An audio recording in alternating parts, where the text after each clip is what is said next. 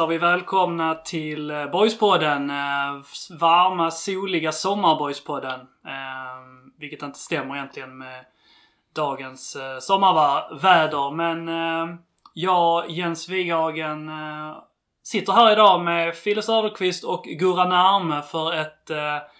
Vi ska ha en jävligt god stund här idag känner vi. Ett matigt sommaravsnitt. Ett litet semesteravsnitt. Ligger nog framför oss. Eller hur grabbar? Definitivt. Det ser vi fan fram emot. Det var ett tag sedan jag själv var med och mitt i sommaren, semester, ingen stress. Så ja, det kommer att bli fint. Ja precis. Du Jens du bjöd ju upp oss till eh, sommarstugan här uppe på Bjärehalvön. Så vi sitter i en eh, bekväm eh, liten stuga och ska snacka lite boys under eh, en god stund framöver här med blivit serverade en kopp kaffe och vi känner oss eh, väl redo att börja tugga igång detta avsnittet. Ja, det gör vi. Ett gästrum större än min lägenhet och skicket klasser bättre. Det är, ja, det är blandade känslor. Ja, det har de gjort bra. Ja, verkligen. Sa han när han nyss steg ur sin Tesla. Ja, det är det enda jag har också. Ja, detta är ju, eh, detta är ju eh, vidden av eh, white privilege. Man, eh, man, man är tacksam för sin hudfärg och eh, landet man är född i. Ehm, det, det är det bästa som finns. Föräldrar som har kunnat knega nog för att kunna ge, ge sina barn som inte har knegat nog en, en sommarstuga. Så är det. Så, så, eh, så kan det vara och så är det. Men eh, boysvärlden rullar ju på även om eh, vi befinner oss i, på Bjärehalvön och eh, jag går över till Kroatien. Så att, eh, Ja, Grekland faktiskt. Ja, du kan ta av offerkoftan nu. Men Ja, ja. Boys har rullat på här. Det har blåst som vanligt i boysvärlden kan man väl kanske uttrycka det som. Och eh, det är väl egentligen det som är följden av att vi känner att vi kommer kunna sitta här och prata lite strate strategisk eh, position och eh, lite åt det hållet här. Men eh, vi kan väl börja med eh, lite konkretare. Matchen som har spelats sen, eh, sen vi körde senast helt enkelt. Och eh, det var ju en nätt liten resa för boys-killarna upp till Östersund och eh, det gick ju åt helvete. 4-1 i Röva. Vad är er samlade bedömning av den matchen så här i efterhand? Ja, men jag tycker att eh, det är ett stort problem att Boys återigen eh, misslyckas med att vinna på bortaplan. Eh, det är ett stort problem att Boys som, som jag förstår det själv inte tycker att de gör en jättedålig match men ändå släpper in fyra mål. Eh, och det är ett stort problem att man förlorar mot ett lag som ligger under sig själv i tabellen. Eh, så det finns jätte, jättemycket som är oroväckande med, med den matchen. Eh, det finns egentligen ingenting bra att ta med sig därifrån. Beröm till de eh, hjältarna som tog sig upp för att heja på boys. Resten, ja.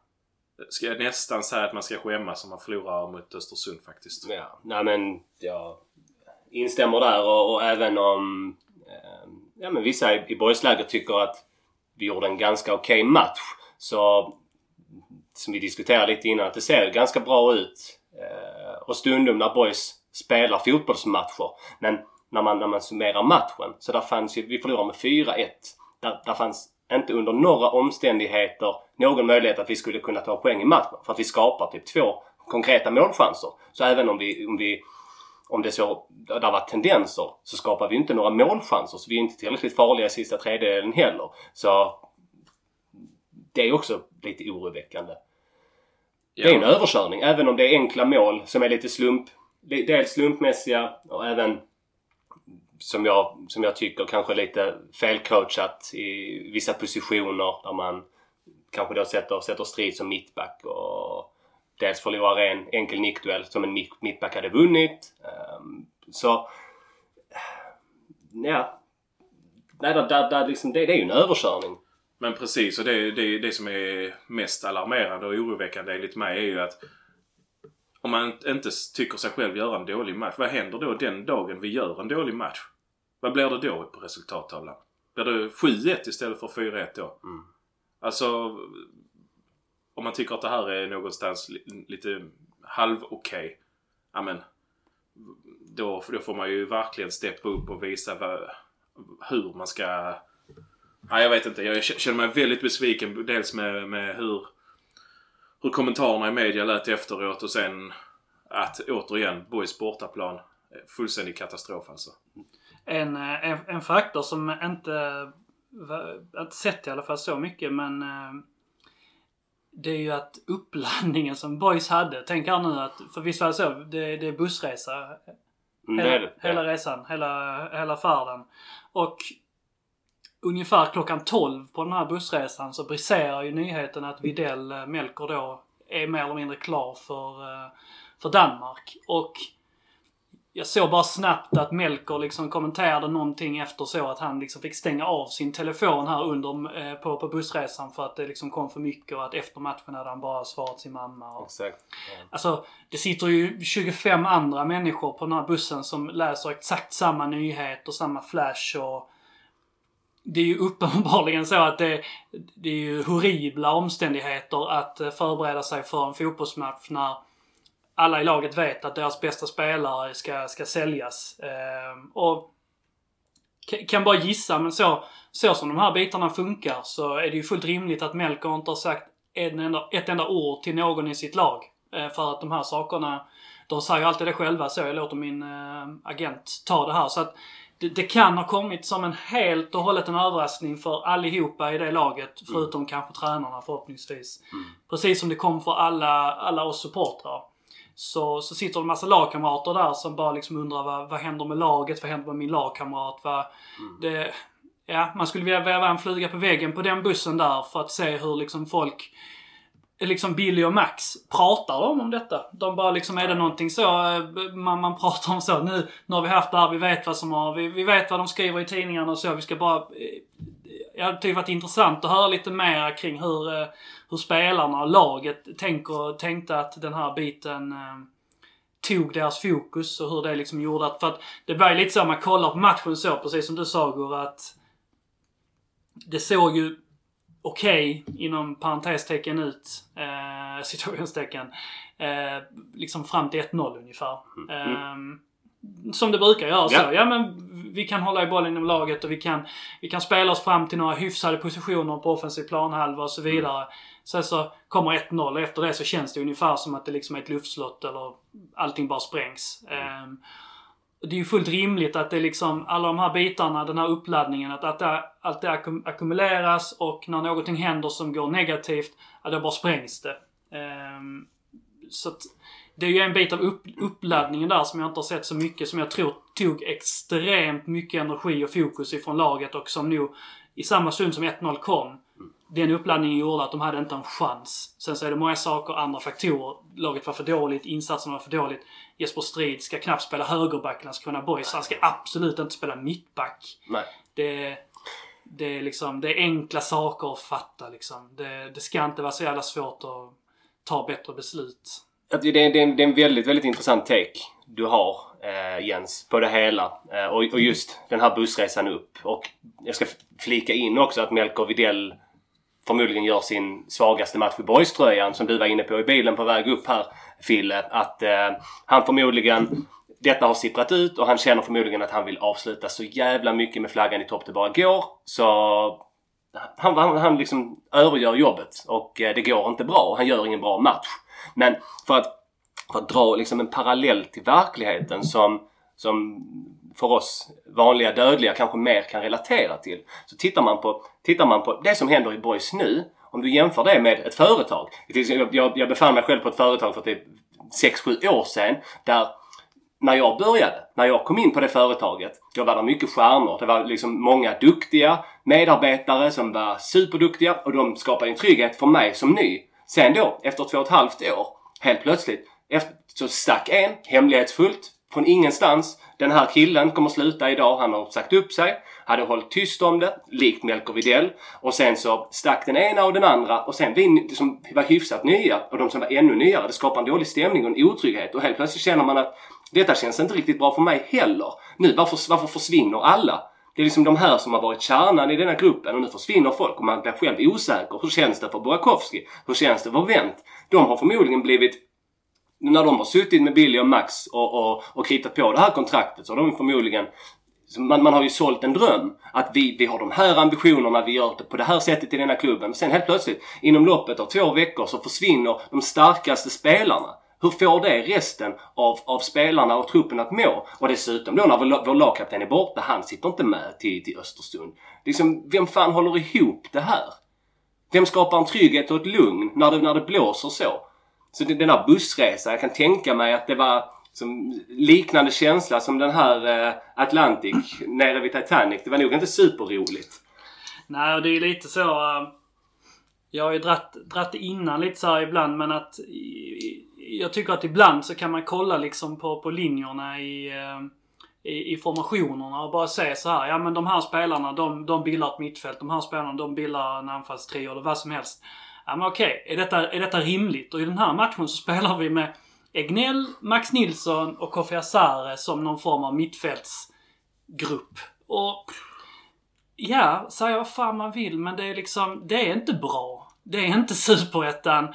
Och det är liksom, det är snarare så att det är en sorts, eh, det är de här memesen med liksom typ så eh, if, if you don't deserve me at my best, you don't deserve me at my worst. Liksom med det här när Liverpool spelar med Christian Paulsen och Slavisa Jokanovic i början på 2010-talet. Liksom att det mittfältet är så dåligt i mina ögon att det är liksom, det är den höjden där. Att man, kommer, man, man kan skratta åt det i eh, Alltså inte spelare för spelare så har jag ingenting jättemycket emot så. De har alla sina fördelar, de har alla sina förutsättningar men som en grupp så har de ingenting tillsammans att göra. De alla tre är ju spelare som behöver mycket, mycket mer skicklighet runt sig mm. än de här tre. Så att som en grupp går inte. Som en spelare bredvid bättre spelare. Ja men sätter du Kofi Asare bredvid eh, Uttusson och Melko Heijer. Ja, funkar säkert skitbra. Då kan han använda sina fördelar liksom. Ja. Så, kan du, så kan du laborera med alla de tre. Men ihopa omöjligt egentligen. Och det, det måste man kunna veta som tränare. Det måste man. Man måste kunna se på de här spelarna så här, att de här kommer inte kunna driva ett mittfält i Superettan mot ett hyfsat kompetent Östersund som... Äh, Nej, nej, ja, nej, det är helt sjukt. Och, vi, och i början av säsongen brottades vi, vi med någon form av liksom, identitetskris på det här sex, sexa mittfältet. Och där, där Melko Jonsson sen efter en tuff start någonstans liksom axlar den manteln. Och när, när man tar bort honom från den rollen, där har vi äntligen börjat skapa lite trygghet. Och det säger ju också, det är klart vi har skitmycket otur med skador, men det säger ju någonstans om bredden på de defensiva positionerna när vi måste ta vår enda riktigt bra sexa och flytta honom från den positionen där han faktiskt har skapat en, en stor förändring till det bättre för laget. När du måste ta bort honom från den positionen, sätta honom som mittback bredvid en helt ny spelare mm. och, och, och sen ha en sexa som Alltså vem fan vem var en sexa? Vem, vem står... Vem, väl Max eh, Ja, exakt. Ungefär. Och, och, och, Max, han kan säkert bli bra men det såg vi ju. Det var jättemycket bolltapp. Det var ingen sexa som, som eh, ingöt någon, något självförtroende alls. Och det, det, är inte, precis, det är inte Max fel. Men det säger någonstans ganska mycket om var vi befinner oss just nu. Där, där finns ju inga lösningar. Men det, det, är också eh, exakt det du, det du säger är ju egentligen liksom också det här att man, man går över ån efter vatten. Liksom att man man har ingen klar blick över, över liksom pusslet som man har framför sig. För att vad vet vi om Billy och Max lagbyggen? Att sexan är den viktigaste spelaren i laget. Mm. När laget har flytit så har det alltid varit att Zuma har varit otrolig, Uttusson har varit otrolig. Eller som nu, att Melker Jonsson har också varit skitbra. Ja det, det, det är egentligen samma. Um, vissa av oss har orkat lyssna igenom uh, When We Were Kings 12 timmar om Pep Guardiola. Jättemycket. De som vet, fattar någonting vet att liksom så här, Billy och Max influerade jättemycket av liksom Peps ledarstil och mm. framförallt spelarstil och så. Mm. Där, där det, de pratar jättemycket om i, i podden där att den viktigaste positionen för, uh, för Pep, det är liksom inte en Messi, det är inte en Haaland. Eh, det är inte en, en mittback utan det är deras liksom organiserade mitt, or, organiserande mittfältare kallar de det. Men det är ju sexa. Rodri. Det, det är Rodri, det är Busquets. Mm. Eh, det var Filip Lam. Vi ju... Vi har samma skit här liksom. Ja. Och ändå så spelar vi liksom ett mittfält där vi har liksom Max Nilsson ska sp- spela organiserande mittfältare, vad fan man vill kalla det, med våran pivoter liksom. Ja men det är ett Går problem. inte. Vi, vi hade ju faktiskt den här diskussionen också i bilen på vägen upp, eh, jag och Gurra. Att eh, jag tror, eller jag la fram en tes att jag tror att vi, eh, vi ska inte spela med bara en sexa längre. För jag tror inte vi har sexa mittfältare i nuläget som behärskar att spela ensam sexa. Jag tror att vi ska gå tillbaka till att spela med två sexor som vi gjorde under Agim under 2016 när vi hade Igor och Måns som ett eh, stort lås där framför våra mittbackar. Det tror jag hade varit det allra bästa. Då tror jag också att, att om vi tänker oss att både Adam Egnell och David Everson gör det bra om de har en partner tillsammans. När de spelar ensam sexa så är de inte tillräckligt snabba för att vara ensam sexa. De hinner inte in i, i duellerna. De hinner inte eh, komma in i rätt positioner. Jag tror också att det blir ett problem när de spelar ensam sexa att de många gånger blir felvända. Jag tror att spelar man med två sexor så är det enklare att få sina sexor rättvända och då kan man utnyttja deras styrkor som då är det långa passningsspelet eh, och båda två är väldigt bollskickliga också. Eh, jag tror att Boys hade mått bra av att spela med två sexor eh, och spela med David och Adam tillsammans istället för att bara spela en och tro att, att vi går framåt med två åttor. Då tror jag hellre på två sexor och spela en tia. I nuläget så tror jag kanske att det är Robin som skulle vara vår bästa tia just nu. Jag tycker inte att Koffi gör det så bra när han spelar inom mitt fältare. Jag tycker att han har visserligen intressanta egenskaper när han vänder upp och kommer rättvänd men det är alldeles för sällan. Och jag tycker att Koffi bör väl vara på en kant istället för att spela på ett eh, innermittfält i nuläget. Och apropå diskussionen om Melker Widell som vi hade innan så det kan man bara slå fast att han borde inte startat den matchen. Han borde inte spelat den alls överhuvudtaget. Eh, och då skulle man ju säkert ha någon, kunna ha någon invändning. Varför ska vi inte ha vår bästa spelare mot Östersund borta? Jo, men med tanke på alla de här ingångsvärdena som vi har pratat om. Med den uppladdningen och det som, det som blir liksom. Alla de, man får, måste förstå att alla de tankarna som rusar i Melkers huvud inför och under en sån match. Bara, alltså, jag fattar att han vill avsluta snyggt och så men det kommer alltid finnas en liten oro att man ska skada sig. Det kommer alltid finnas en oro att ska det se ut som att jag är rädd för att jag skadar mig och så vidare. Jag tror att eh, det var ett fel att starta honom. Eh, sen så förstår jag att det är jobbigt för tränarna att undvara sin bästa spelare. Det, det förstår jag. Det hade varit en annan sak om han hade varit 30 och gått igenom detta flera gånger. Han är 20 år. Liksom, han är ju adrenalinstinn liksom med, med, med tanke på den här övergången. Och det är klart han inte kan hantera det. Så ja, jag eh, skriver under på det. Att han, han Men, borde eh, vänt. Men eh, det är intressant det du säger om två, eh, två, två, två sexor. Men tänker du, eh, tycker du att det, det är en lösning framöver att ha Jonsson som mittback istället då? Du vill inte liksom gå det- tillbaka? ja, för det första är han skadad och det ser ut att vara relativt allvarligt när vi såg eh, där uppe. Sen har det kommit lite rapporter som sa att det var ingen fraktur åtminstone. Men Leiband. han kommer inte spela nästa match. Eh, och kanske inte matchen efter det heller. Eh, så han är ändå inte aktuell för diskussionen. Så då får vi titta på vilka mittbackar har vi tillgängliga om vi då kan börja med det. Ja, Hedenqvist är tveksam. Då har vi Bruzelius. Vad har vi bredvid det? Det skulle väl kunna spela Rapp där. Strid! Ja, för det, det gör vi inte om vi spelar Jesper Strid där. Eh, Täcket har lämnat. Vad har vi mer? Eh, det blir ett långt eh, när man tänker efter. Det blir, det är Jag får ju kalla upp William, William Ondrejka här nu. Alltså för så tunt är det ju. Ja, men det blir, Eh, han blev det blir skadad i ju, U21-matchen också med det Helsingborg. blir ju en kombination av, um, av Bruzelius beroende på om Hedenqvist kan, dem. Mm, så kommer man ju exakt, spela exakt. Rapp eller Lindman där. Men antagligen Rapp och så Lindman högerback. Det måste de göra. Ja, precis. Ja, och då, då ska vi också lägga till, det är ju också ett problem att Lindman har ju varit i ganska dålig form efter eh, han kom tillbaka från sin långa skada. Ja. Eh, såklart, han kan ju inte bli i bra form om han inte får chansen att spela men samtidigt hur mycket, alltså ja. Nej, ett jäkla pussel. Ja, men så är det. Och Vi, får, vi, vi befinner oss i, i ett eh, ganska prekärt läge nu. Nu handlar det om att ta poäng. Så det, liksom, man, kan ju inte, man kan ju inte matcha spelare på bekostnad av resultat. Det är det som är problemet.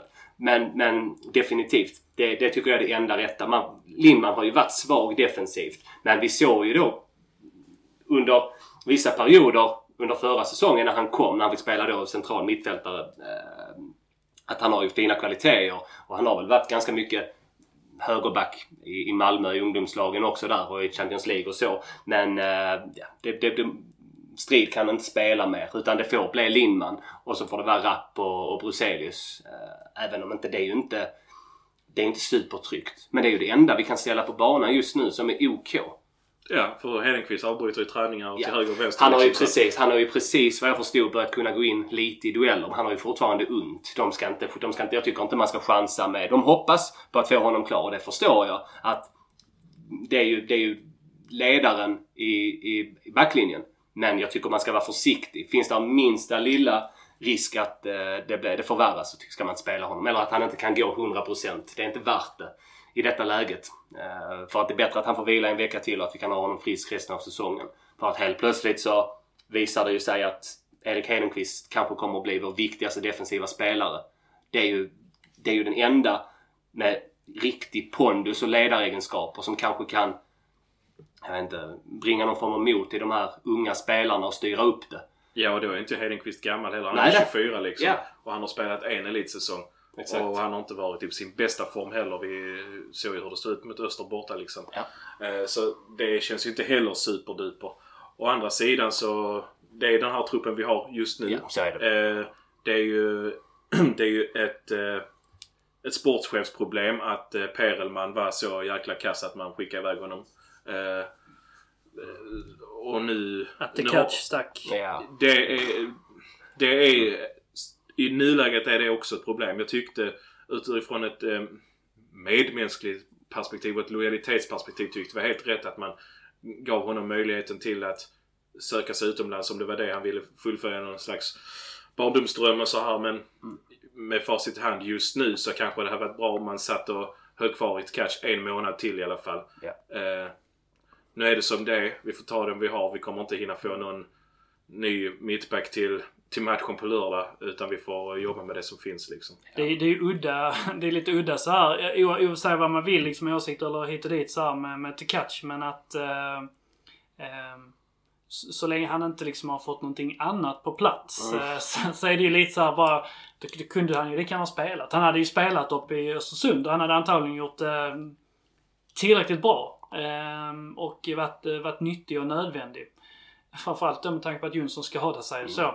Så nu sitter han väl mest bara på röven och väntar på något visum till Exakt. Thailand liksom. Precis. Kommentatorn, eh, kommentatorn i... Var urusel. Ja, det var han. Och i matchen Östersund Boys, han sa ju dessutom att Alexander Tkac har lagt skorna på hyllan. Ja. Så, så han är ju inte, han är ju inte och spelar någon annanstans i nuläget. Utan det är som du säger, han sitter hemma och väntar på papporna. Ja. Ehm, rätt, ja. Nej, fan alltså. Men eh, nu har vi egentligen mest bara pratat. Vad, vad, vad såg vi i det offensiva? Vad, vad, vad visade spelarna där? Vi har klagat lite grann på, på Melker. Koffi inte till sin plats. Vi har klagat på mittfältet. Fanns, fanns det någonting positivt att ta med sig? Är det någon, någonting som ni minns som eh, liksom ändå var... Positivt är ju att Diawara tar sig till målchanser och han gör ett väldigt snyggt mål. Eh, positivt är också att eh, Rasmus Wendt utmanar väldigt mycket på sin vänsterkant och ja, men han hotar mycket och det, det kommer till nästan-läge och sånt. Eh, så ska man göra, alltså, se på några bra saker så tycker jag väl det är väl två sådana som främst ploppar upp i mitt huvud. Eh, jag vet inte vad du tycker Gustav? Nej, men jag, jag håller med. Eh, Wendt ser ju fin ut. Han vill ha mycket boll. Eh, sen så...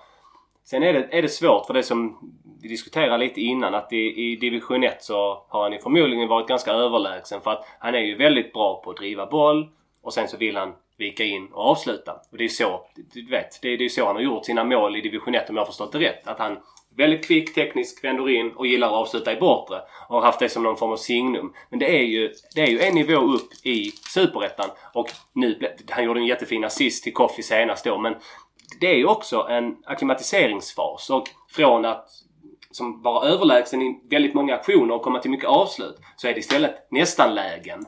Men man får ju fortsätta ge honom chansen och han har ju fina kvaliteter och inget snack.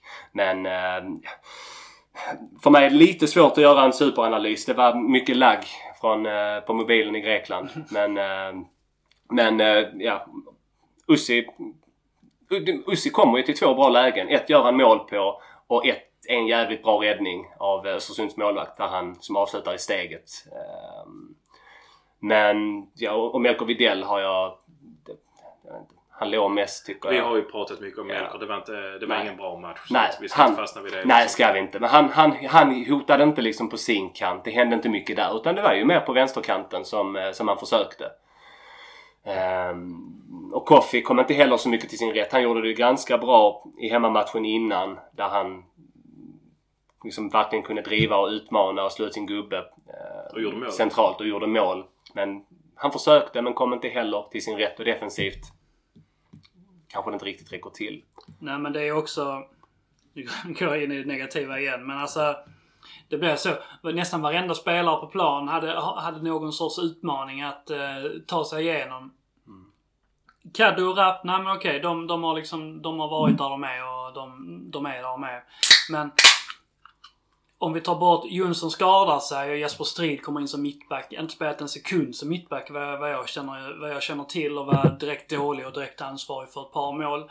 Eh, Broselius eh, var ju duktig i sin premiär så egentligen ingen, ingen direkt skugga som faller över honom. Men han är helt ny i laget. Han ska spela bredvid Jeppe Strid som mittback. Eh, Vem som helst ser dålig ut då. Till och med jag. Eh, Edvin liksom, eh, ja, samma som tidigare men han måste ändå spela bredvid, han, får ha vänt framför sig nu istället och det, det ser lite annorlunda ut. Vänt inte kanske liksom den första rapporten verkar kanske inte vara att han inte är den, kanske den mest eh, defensiva forwarden och kanske inte den som har liksom det i sig allra mest naturligt. Sen så har du Max Nilsson som är typ 14 år gammal och har spelat några minuter. Vi har Egnell som har varit i kylskåpet hela säsongen.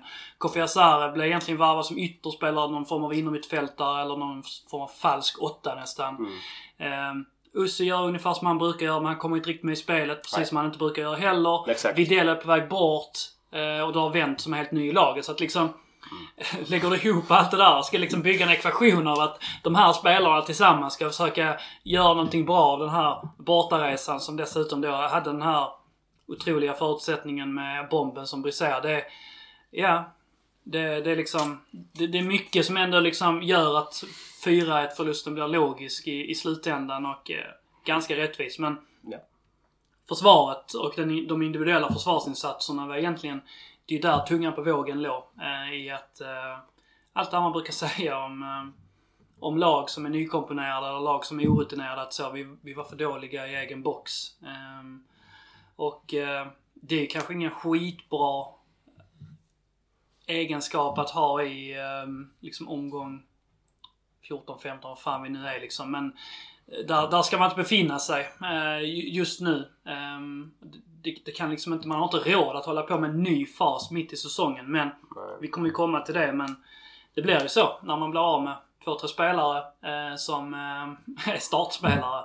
Och du ska ta in två, tre spelare som dessutom kommer underifrån och inte har varit på den här nivån tidigare. Eh, så kanske är, det, är vi liksom tillbaka lite grann ifrån att vi tjatade lite grann om det här i, i början av säsongen när det inte flög att ja, nu är vi liksom i en ny fas igen där spelarna måste akklimatisera sig och göra sig hemmastadda med varandra och nivån och motståndarnivån och så vidare. Nu eh, verkar vi vara där delvis igen. Om än att vi, vi hade lite för många spelare borta just i, till den här matchen mitt i säsong. Och det är ju... Det, det kan ju bli till ett ganska högt pris. Man gamblar ju väldigt mycket. Eh, gör man. Och det måste... Det måste brinna någonstans internt när man då förlorar med, med 4-1 mot Östersund.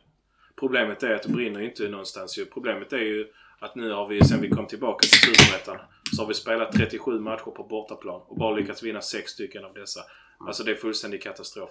Vi, vi, är ett, lag, vi är ett fotbollslag som inte kan vinna på bortaplan. Har spelat, alltså på två och en halv säsong, vunnit 6 matcher borta. Vad fan är det?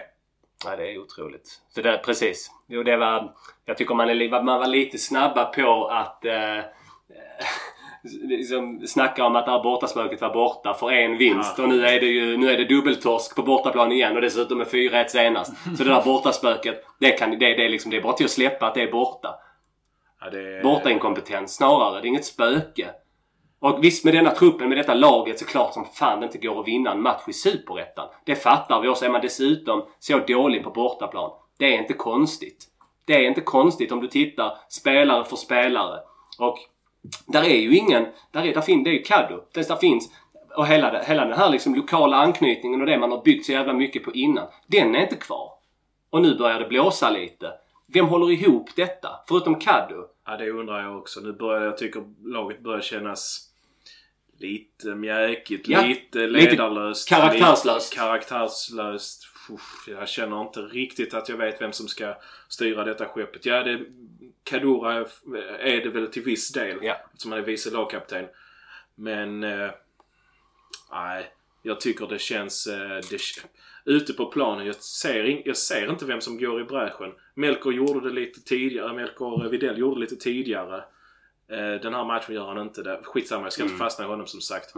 Eh, Men eh, jag ser inte riktigt vem som ska ta det man kallar för bandiera i andra sammanhang. Liksom. Jag ser inte vem som ska leda det här laget ute på planen. Eh, Eller gör ni det? Nej, nej men det gör jag inte. Och på lite drygt en säsong har vi gått från att vara 11 skåningar i princip i startelvan till att vara en. Ja men det är ju... Det är ju Vad vad har hänt där? Det är jättetråkigt att vi kastade bort. Jag förstår att man ville bredda sin men sin, eh, vad säger man, förvärvs, förvärvsstrategi. Absolut. Att man vill leta efter ett större område efter bättre Ja. fotbollsspelare. Men tittar man rent krasst på det så har vi inte tagit några steg framåt överhuvudtaget. Förutom möjligtvis på banken. Nej på precis. fotbollsplanen har vi blivit ett sämre lag sen vi la om den här strategin. Ja men så är det och, äh, och du vet Boys som... Det, det är inte så att Boys lämnar något till ödet utan man har, man har ju tydliga planer och röda trådar, trådar i allt man gör. Och förmodligen så måste det ju också... Det, det, här måste, det här har nu gått så snabbt att de inte har hunnit med. För jag lovar er att Boys har ju säkert mer eller mindre som krav att varje match ska vi i alla fall ha fyra lokala spelare eller tre lokala spelare. Men det har ju gått så fort med skador och försäljningar och folk som vill sluta att nu sitter vi med en. Det är ett problem. Det är ett problem om du har ett lag utan identitet och utan karaktärer. Det blir också lite, alltså, och det, nu går vi inte in på det som vi ska gå in på sen, men att eh, jag tror att eh,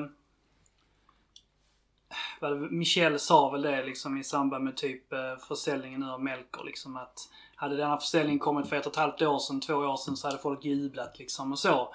Och så är det kanske men ett problem med att vi nu har tagit oss an den här sorts eh, eh, inställningen som klubb att vi är någon form av språngbräda för spelare att, eh, att ta, sig, ta sig ut i, eh, i fotbollsvärlden på riktigt så att säga. Att vi, vi är en säljande klubb till eh, 99% och att vi, vi är så otroligt unga och så vidare. Det är ju att liksom som en stor direkt följd av det som vi egentligen var inne på, du var inne på Phil, att det finns liksom inga, det finns inga bandieras i laget, det finns inga kulturbärare, det finns ingen som liksom driver boys framåt egentligen för att Näst, nästan, alltså det är ju ge och ta i de här frågorna men de flesta spelarna kommer ju till boys för att så, detta är en bra möjlighet för mig. Jag, nu, jag jag är här i två säsonger, jag ska göra bra ifrån mig, jag ska liksom, jag ska göra upp, eh, visa upp bra tejp och så vidare. Jag ska kunna synas. Det betyder ju också att man egentligen, liksom ingen, ingen kan säga någonting annat till mig, men det betyder att de här spelarna egentligen också har en sorts tanke i huvudet så att det är klart att jag vill att detta ska gå bra, jag vill att boys ska flyga, jag vill att vi ska gå upp i Allsvenskan, men egentligen spelar det inte så stor roll liksom. Jag, jag ska inte vara här ändå om två år liksom så. Om detta, om detta skiter sig totalt, om hela skeppet sjunker så, jag kommer hoppa av. Jag tror liksom inte en chans att jag är kvar här då. Ehm, så att liksom, det går på båda hållen. Alltså när allting flyger och man liksom är en säljande klubb som bara tar in talang på talang på talang och spelarna blir bara bättre och bättre för att rekryteringarna blir bara bättre och bättre. Ja Men det är klart spelarna trivs, men om det börjar blåsa lite grann spelarna skiter ju i vilket liksom.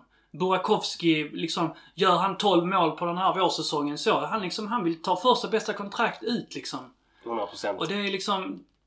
Det, det är livs... men det är också så, egentligen, egentligen så är ju Superettan uppbyggd liksom på rävar. På spelare som liksom, "Ja, men jag vill bara ha ett år till. Jag vill ha ett år till. Jag vill bara spela här. Jag vill bara vara här. Jag vill inte, detta, jag är helt fine med att jag är 27, 28 och detta är min karriär. Men jag, jag bryr mig inte. Jag, jag kan spela Öster den säsongen och sen så vill jag, kan jag spela i Landskrona Boys och sen så kan jag hoppa, hoppa på Örebro som har trillat ner. Alltså, historiskt sett så är ju Superettan byggd på de här rävarna som är Superettan-spelare. De kanske har någon säsong i Allsvenskan i sig, men de är egentligen inte tillräckligt bra. Vi har ju liksom inte dem. Och nackdelen med att inte ha dem, det är att de spelarna de, de krigar ju liksom för den här stunden. För att de vet att det är här jag ska vara. Jag måste, detta måste jag göra bra. Det är, om jag inte, om, om, min, om min klubb åker ner så kommer inte jag kunna vara kvar på den här nivån. För att det kanske är så att nu har jag varit här i två år. Ingen, ingen klubb här kommer liksom erbjuda mig ett kontrakt i Superettan nu om jag åker ner. Jag är 28 år. Jag har spelat liksom startat 13 matcher eh, per säsong nu i två, tre år så. Jag kommer aldrig spela i Superettan igen om jag åker ur. Då krigar du för ditt hjärta, då krigar du för klubben, du gör allt vad du kan för att detta är liksom din enda chans. Våra spelare är ju inte där för att de vet ju att när vi sjunker, de är inte kvar. När vi sjunker, de är inte kvar. Ja. Det, och det, vi har ett problem till också. Det är ju att spelarna vi kommer in, som vi varvar in idag. Nästan alla. Det är, alltså det är ingen av dem som har spelat vuxenfotboll i mer än ett, ett och ett halvt år. Alltså det, det är ju det är, det är spelare som ganska nyligen spelade po- pojklagsfotboll. Vi hade behövt lite vu, alltså, vuxna spelare som har spelat... Jag sa inte att man måste vara 35 när man kommer hit. Absolut inte. Men historiskt sett så har vi gjort många bra varvningar av spelare som har legat i åldern 26, 27, 25 år. Som har spelat eh, seniorfotboll i alla fall fem säsonger. Som vet vad det handlar om lite. Jag, jag tycker om att man ger de unga spelarna chansen. Men inte bara unga spelare. Det måste finnas en balans och en mix som gör att man kan ta laget framåt. Men om vi tittar på historiska exempel. Vi hade någon diskussion häromdagen med när vi varvar en sån spelare till Superettan som till exempel Per Cederqvist. Alltså en hårt arbetande forward som skjuter stenhårt och är extremt jobbig att möta. 28 år gammal. Ja men ja, där, där Klockrent. kring liksom. Ja. Ja. och sen vi, när vi varvade Johan Persson eller när vi varvade, ja vad ska vi ta, Fredrik Karlsson var visserligen lite yngre men hade ändå spelat seniorfotboll i Lund och så här. Mm. Spelare som har ändå gjort seniorlagssäsonger. Mm. Sådana spelare kanske skulle kännas lite bättre som skulle lätta att ta den här flaggan. Som vet vad det handlar om att spela i ett A-lag åtminstone. Många av de här unga killarna, nyligen uppflyttade på A-truppsnivå. Visst att, eh, att eh, Bruzelius har haft eh, lagkaptensbindel och sånt Mm. i Sollentuna. Mm. En liten klubb. Eh, eh, så Mm. Vad är det liksom? Vad är det värt i det här sammanhanget? Nej. Inte ett skrot. Eh, och det, det... Fan, jag blir... Sitter man här och äggar upp sig och blir orolig. Men det, det, det du är inne på Jens, tror jag är livsfarligt. För att boys, boys har blivit en uttalad språngbräda. Och många av de spelarna nu, för att boys har ju då lite flyttat fram sina positioner. Istället för att värva Filip Olsson från division 3 eller vad man gör, så värvar du istället Wendt som är topp i division 1. Burakovsky, MFF med liksom superpotential. Det är spelare vars ambitioner inte överhuvudtaget är i boys. De, och, och det, har blivit, det har blivit så pass galet att horisonten på många spelare tror jag är en säsong max. En säsong, gör vi det bra i boys en säsong så är det nästa kliv sen. Och ni tr- tror inte att, att spelarnas agenter sitter och liksom när de, när de kommer med, med papper och penna och en skiss på möjligheter. Här kan du göra en karriär. Exakt, här kan du göra dig en Här, karriär. här, här kan du ha fem Exakt. år liksom på hög nivå. Ja, nej det, det händer Nej. inte. Utan, okej, vänt. Gör du en bra höst i Landskrona och en bra vår, då är du i en allsvensk klubb om ett år. Det är det. Rasmus, Rasmus Wendt heter han inte. Vad heter han? Oskar? Vad fan heter han? Uh, Wendt. I boys. Ja. Nej. Rasmus. Ja, Rasmus. Exakt. Saken är den att jag, jag ska inte, jag är inte hundra, men jag tror att i hans första intervju så pratar han tydligt om ambitioner, att han vill vidare, han vill till Allsvenskan. Det är inte så mycket här och nu, utan många, många faktiskt liksom säger det rakt ut att jag ser Boys som en möjlighet att ta nästa steg i karriären. Boys är bara en språngbräda. Och det sorgliga i det sammanhanget är ju att Xavi som också är ny i A-laget sa precis samma sak. Och han är ändå från Landskrona. Ja. Alltså att, att det har blivit ett sånt tänk att boys, här utvecklas man och sen gör man något bra. Exakt. Istället för att tänka att, att boys är den platsen man vill vara på. Nej, precis. Men det är också liksom så här, det... Egentligen i min värld så ska det ju liksom... Det ska finnas... Det ska finnas två, tre spelare som har den attityden, Ja. den inställningen. Till och med liksom två, tre spelare som har den kapaciteten. Liksom. Absolut. Så att, för att är man i den här andra världen där alla, alla spelare kollar uppåt liksom och så. Det betyder också att du hela tiden spelar med liksom ofärdig potential. Mm, Du har liksom alla de här spelarna som... Vi har liksom inga underdogs i, i truppen heller. Vi har inga spelare som liksom slår uppåt som så här, punch above the weight. Att, lite grann som du, du, du pratar om Fredrik Karlsson liksom. Den Ja. typen av varvningar spelare som, när de kommer till boys. Och alltså, egentligen så är det typ så. Ja men den andra typen av varvningar. Det är klart att det är bättre liksom i ett vakuum eller hur man ska säga. Kollar man bara på det liksom A eller B. Det är väl klart att det egentligen är bättre att varva spelare med jättehög potential liksom. Som Videll, som Wendt, som Burakovsky. Men vi kan inte bara lägga alla ägg i den korgen. Utan vi behöver också lägga ägg, ägg i en korg där Fredrik Karlsson-figurerna är. Som liksom har krigat på i en viss nivå men som också kanske känner lite grann att man... Man har den här mentaliteten att för att jag ska kunna klara mig på den här nivån så måste jag lägga ner varenda själ i min kropp här till att jag ska kunna prestera på planen för Landskrona Boys. Och, och jag ska spela så pass bra att Landskrona Boys kan inte göra sig av med mig.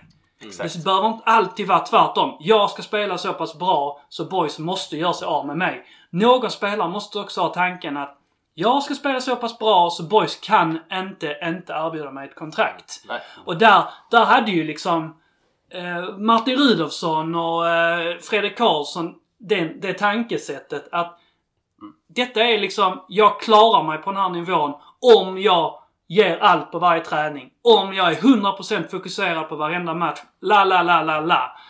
Så kan jag liksom vara med och bidra till att de här spelarna gör det här steget. Men vi har liksom inga av de spelare utan liksom alla, alla spelare tänker ju på, att, på det. Jag, jag, jag, jag, tror, jag tror, jag tror, och, det, och, och jag blamear inte någon, men det, det, det är dags att stanna upp och tänka efter. För jag tror att hela den här jävla, förlåt jag ska inte svära, men den här sportgruppen de är så fartblinda just nu. De är så fartblinda med ett så mål, alltså de har ett så stort mål i sikte att vi ska förädla, förvärva och vi ska sälja.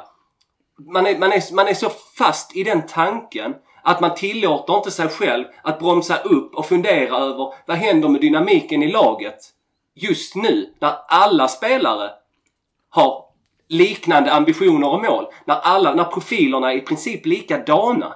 Att man vill komma, leverera, lämna. Det har en viss poäng i det. Jag, tycker egentligen att Boys har varit ganska bra på att varva spelare med rätt karaktär. Och det är, det, det är inte... Det är inte några egoistiska divor det handlar om. Det är inte det som är problemet. Utan det är mer att sammansättningen... eh, En plus en plus en plus en. Det, det, det, blir ingen, eh, det blir inga bra synergieffekter om allting är för lika. Eh, Det är vad jag tror. Jag, som jag var inne på innan där med att varva spelare med en annan ålder. Alltså vi har fler exempel. Jag kommer ihåg när vi varvade Milovanovic från Falkenberg. Vi kommer ihåg när vi varvade Daniel Nannskog. Jag var också i den åldern liksom.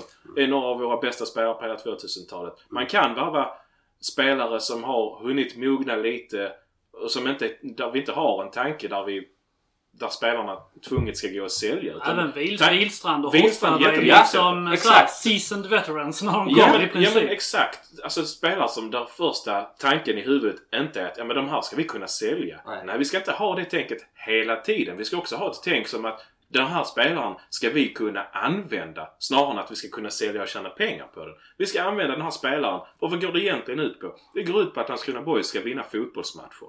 Och det kanske man eh, kan göra det finns såklart eh, vissa situationer där det går att kombinera både och. Vinna fotbollsmatcher och sen göra en försäljningsvinst. Och då är det ju såklart optimala. Men hittills har det visat sig att Landskrona Boys är en... Jag skulle säga en eh, oroväckande sits. Vi är bara tre poäng från negativt kval. Och vi har spelat halva säsongen. Men egentligen så är vi, vi, vi är i samma sits som vi har varit i väldigt många gånger nu. För att jag gissar att spolar vi tillbaka bandet så lät det ungefär likadant när förra säsongen började. För att då, då satt vi i en båt där vi hade tappat väldigt mycket kulturbärare som vi egentligen pratar om. Nu har vi inte tappat kulturbärare men vi har tappat skickliga spelare framförallt. Eh, och Tekac var en kulturbärare. Men då hade vi ju tappat Ekvall, då hade vi tappat Hoffa, då hade vi tappat ja, men Wihlstrand, Olofsson, Nielsen. Spelare som hade spelat hundratals matcher, både tillsammans men även individuellt i tröjan. Och då satt vi och pratade om just det här. Och det, hade, det var ju en väldigt lång startsträcka där till att någonting hände och vi kunde liksom komma igång. Och sakta men säkert så, så visade det sig då att spelarna var ju tillräckligt skickliga. Billy och Max var tillräckligt duktiga tränare för att någonting skulle liksom gå fram. Men vi var tvungna att backa ett steg så vi kunde ta två steg framåt. I alla fall utifrån hur vi hade avslutat det föregående året. Nu, nu är det ju i princip likadant. Att vi, vi, vi börjar lite halvtaffligt men sen så liksom börjar vi tuffa igång. Det var lite tankar på så. Detta kan ändå flyga. Vi, det liksom, spelarna har någonting här. Men nu så säljer vi några spelare och så måste vi backa två steg. Och så tar vi in några spelare och sen så kommer det börja liksom sakta men säkert tuffa igång. Jag är i sig inte orolig för att vi skulle åka ner. Jag, jag tror att laget är för bra. Ehm, och liksom ändå att... Det är en väldigt, väldigt farlig tanke att ha. Att man tror att sitt eget lag är för bra för att åka ner. Jag, jag har sett större rutinerade lag än boys som åker ur en serie. Man, man ska aldrig tro att man är för bra för att åka ur för då kan det väldigt, väldigt enkelt hamna så att man åker ur. Jag tror inte laget är för bra, jag tror spelarna är för bra. Och jag tror framförallt också eftersom att jag känner igen den här... Eh, jag känner igen den här banan. Vi har redan varit på den. Och de, flesta, de andra gångerna så har vi hittat en väg framåt. Men problemet, och det jag vill komma till, är ju att vi, vi kommer ju aldrig fram på själva matchbrädet utan vi bara, vi bara backar och kommer fram. Vi backar och kommer fram. Så vi står ju och stampar i samma. Att vi, det är ju för att vi vill ju inte... Vi står ju i en position där vi, vi vill inte vara i den här positionen. Så visst, logiskt sett och realistiskt sett så, så vet vi ju allihopa att när vi liksom... Om vi bara, om vi själva backar ut från situationen och tar ett helikopterperspektiv. Men vi vet också som supportrar det som som jag tycker att styrelsen och framförallt liksom klubbens talespersoner lite för mycket försöker prata om. Tänk på var vi var någonstans när vi tog över. La, la, la, la, la. Ja, men man behöver inte alltid leva i det förgångna. Man kan leva här och nu också. Eller- Och ta, ta en situation. Är vi bättre idag än vad vi var igår? Är vi bättre idag än vad vi var för fyra månader sedan? Mm. Och där hamnar vi liksom aldrig i, i en position där vi tydligt kan säga att så, nu är vi bättre, nu är vi bättre igen, nu är vi bättre igen, nu är vi bättre igen. Utan vi är bättre, bättre, bättre. Nu är vi sämre, nu är vi sämre, nu är vi bättre, nu är vi Precis. bättre. Och det, och det de måste vi bara spela in också Jens. För att exakt det du säger där har jag också reagerat på. Folk som säger ja men titta på hur det gick 2018. Det var sån cirkus och sånt. Ja det var det. Men varför måste vi använda 2018 som en måttstock? Varför Nej. kan vi inte använda 2002 som en måttstock? Exakt. Alltså då när vi var Sveriges bästa lag. Varför ska, vi, varför ska vi inte ha det som en måttstock? Ja, det är alltid det blir det är ett försvar. Det är ett farligt försvar att alltid spela ut kortet eh, och, och måla upp bilden av när vi, be, när vi befann oss i det största helvetet. Det är helt rätt. Problem, det, det jag ser som en rädsla nu och jag tycker ni båda har intressanta text men jag tror också det där är, är, är farligt att tro att vi är för bra. Det som händer nu, just nu, sitter de inne på kansliet och, bet- och ska betala notan av att vi har urholkat vår identitet över tid. Att vi skeppade spelare utan, inom citattecken, vidareförsäljningspotential. Spelare som faktiskt accepterade folk som ville vara i klubben som ni var inne på. Folk som tyckte det var okej att gå och sätta upp persienner och, och trots allt vara en jävla bra spelare i Landskrona Boys. Eller en Hoffa. Eller något annat. Nu sitter vi med den och ska betala den notan när vi har urholkat vår egen identitet. Det är livsfarligt. Förlåt, visst, det, man, man målar lätt fan på väggen. Men en torsk hemma mot ett pissigt sig. förvisso med en ny tränare med Solano, jättespännande. Torsk på lördag och det är kris i klubben. Är, är, är, det, är det för, med, med tanke på vad vi har tappat de senaste veckorna. Tittar du utifrån så är det inte kris för att du förlorar två fotbollsmatcher. Men om du tittar på vad som har hänt de senaste, de senaste tre veckorna och var vi faktiskt befinner oss nu. Så är det kris. Ja, jag håller med dig Det är ett stort problem att vi har blivit av med våra två bästa spelare och är i så här dålig form. Det är såklart ett jättestort problem. Det som är betryggande är att det finns lång tid kvar på transferfönstret. Så det finns mycket att göra och boys har väl sålt spelare för, ja, ja, ja vi har inte exakta siffror men man har sålt Jakob Ondrejka den här säsongen. Eller Elfsborg har sålt honom åt oss. Vi har sålt Melker Heijer. Men vi har sålt Videll och vi har sålt Camille Jebara. Så att det finns mycket deg i klubben. Så det finns ju utrymme att göra någonting. Ehm, så på så sätt så känner man...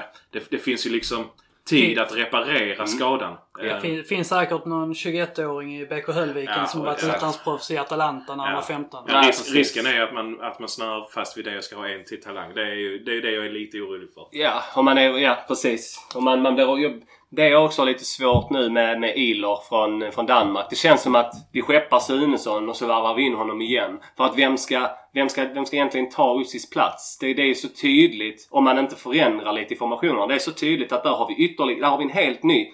Det, vet ni vad? Det är bättre att vara reserv bakom Kadura än att vara reserv bakom Ussi. Skulle jag vilja säga. Du, får, du har större möjlighet till speltid om du är, om du är bakom Kadu än, än om du är bakom Ussi. Och då är då Kaddu lagkapten i nuläget. Exakt! Exakt! Och det säger rätt mycket. Vad är, vad är syftet med den här värvningen? Är det att rotera mer? Är det, har man tyckt att Sunesson var för dålig och att man ser på så pass stor potential att han ska gå in och konkurrera? Eller vad är, vad är syftet Det där? måste vi också prata om Sunesson. Alltså varför får Sunesson aldrig chansen? Nu gjorde ju Osi mål sist och han har ju haft, haft många bra matcher. Jag, jag älskar Osi, kommer alltid älska honom för Absolut. att han avgjorde med THF.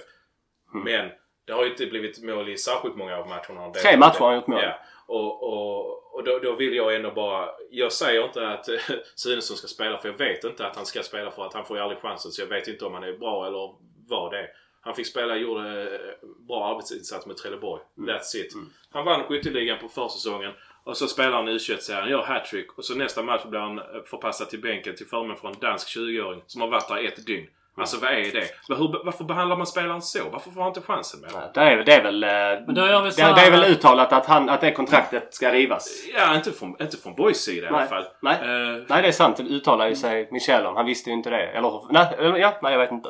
Men då gör vi så att eh, vi, eh, vi håller den tanken och så eh, tar vi upp den bollen.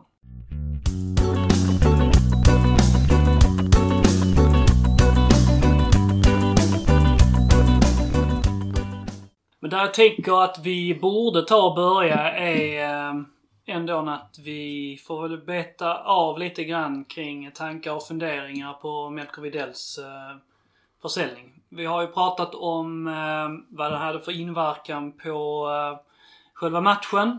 Men eh, vad har ni för... Vad, vad, vad tror ni om själva försäljningen? Melker lämnar alltså med ett fyraårskontrakt efter sex månader. Nog att han har varit bra en av de bästa spelarna jag har sett i, eh, i den randiga tröjan på den här korta tiden. Men eh, det, det är någonting eh, osar ju röv. Tycker jag.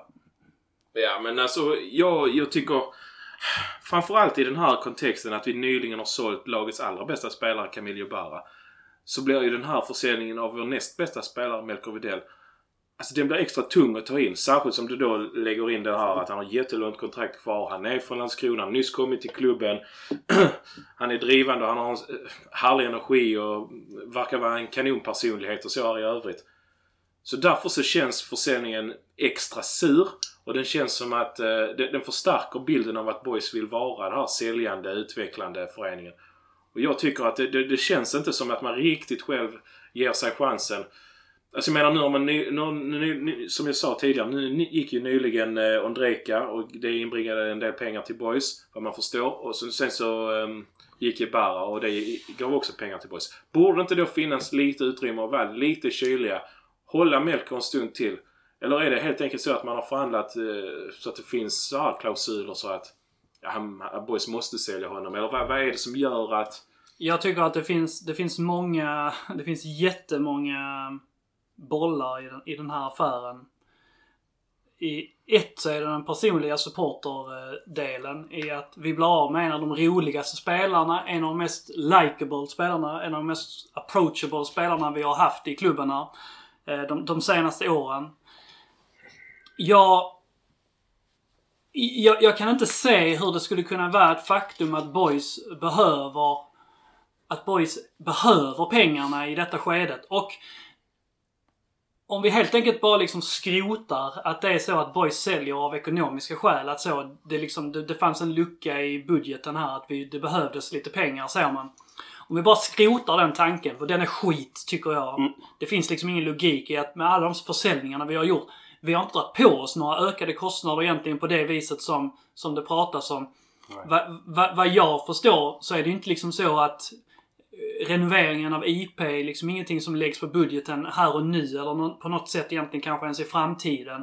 Ehm, eh, någon nämnde någonting om ökade spelaromkostnader i form av löner och så. Ja men visst så. Men vi har, 1. vi har liksom, hur mycket? Det är inte så att eh, liksom Wendt går in och tjänar 70 papp i månaden. Liksom så. Det Bevara mig väl att eh, det, det inte är så. Men...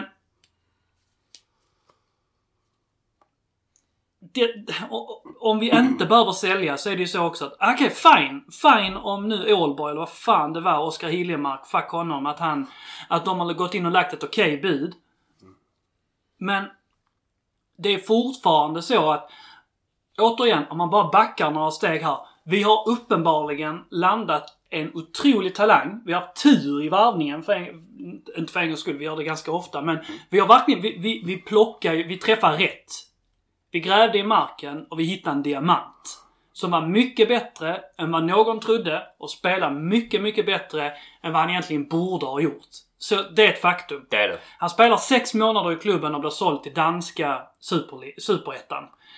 Han har ett fyraårskontrakt. Så att liksom bilden av att det hade gått att maximera den här summan, den här försäljningen så otroligt mycket mer. För det finns ingenting. Och liksom eh, de i klubben som är operativa och kan spelarutvärdera, de vet ju också att Melker hade bara fortsatt, u- han har bara fortsatt utvecklas. Han är, han är ju 20 tror jag. Ja. Han hade ju bara blivit bättre och bättre. Hans värde hade bara ökat. Klubbarna som hade jagat honom hade bara blivit större och större. Så att, då har vi befäst det. Då är det egentligen bara... Klubben skrev ett pissavtal. Sen så är klubben skrytsamma och säger att de har skrivit ett fyraårskontrakt och hit och dit. Ja, ja, visst. Men ni glömde nämna att det fanns, det fanns en klausul där MFF får pengar och där Ja. fanns... Och där måste vi också, där måste vi bara stanna vid här. för här brukar boys vara jäkligt malliga och säga att, slå sig för bröst, bröstet och säger att ja, vi har blivit transparenta mot våra medlemmar och sånt. Vi är medlemmar. Vi, jag, vet, jag, jag vet inte varför det blir så att man säljer. Vad, vad är det som gör att man tar det beslutet? Den här transparensen som man snackar om, den, den existerar inte i denna frågan. Och vi, och så, vi sitter här och gissar. F vissa medier kommer med, eh, med påståenden att det finns finns eh, eh, utköpsklausuler. Vissa säger att Malmö ska ha rätten till vidareförsäljning.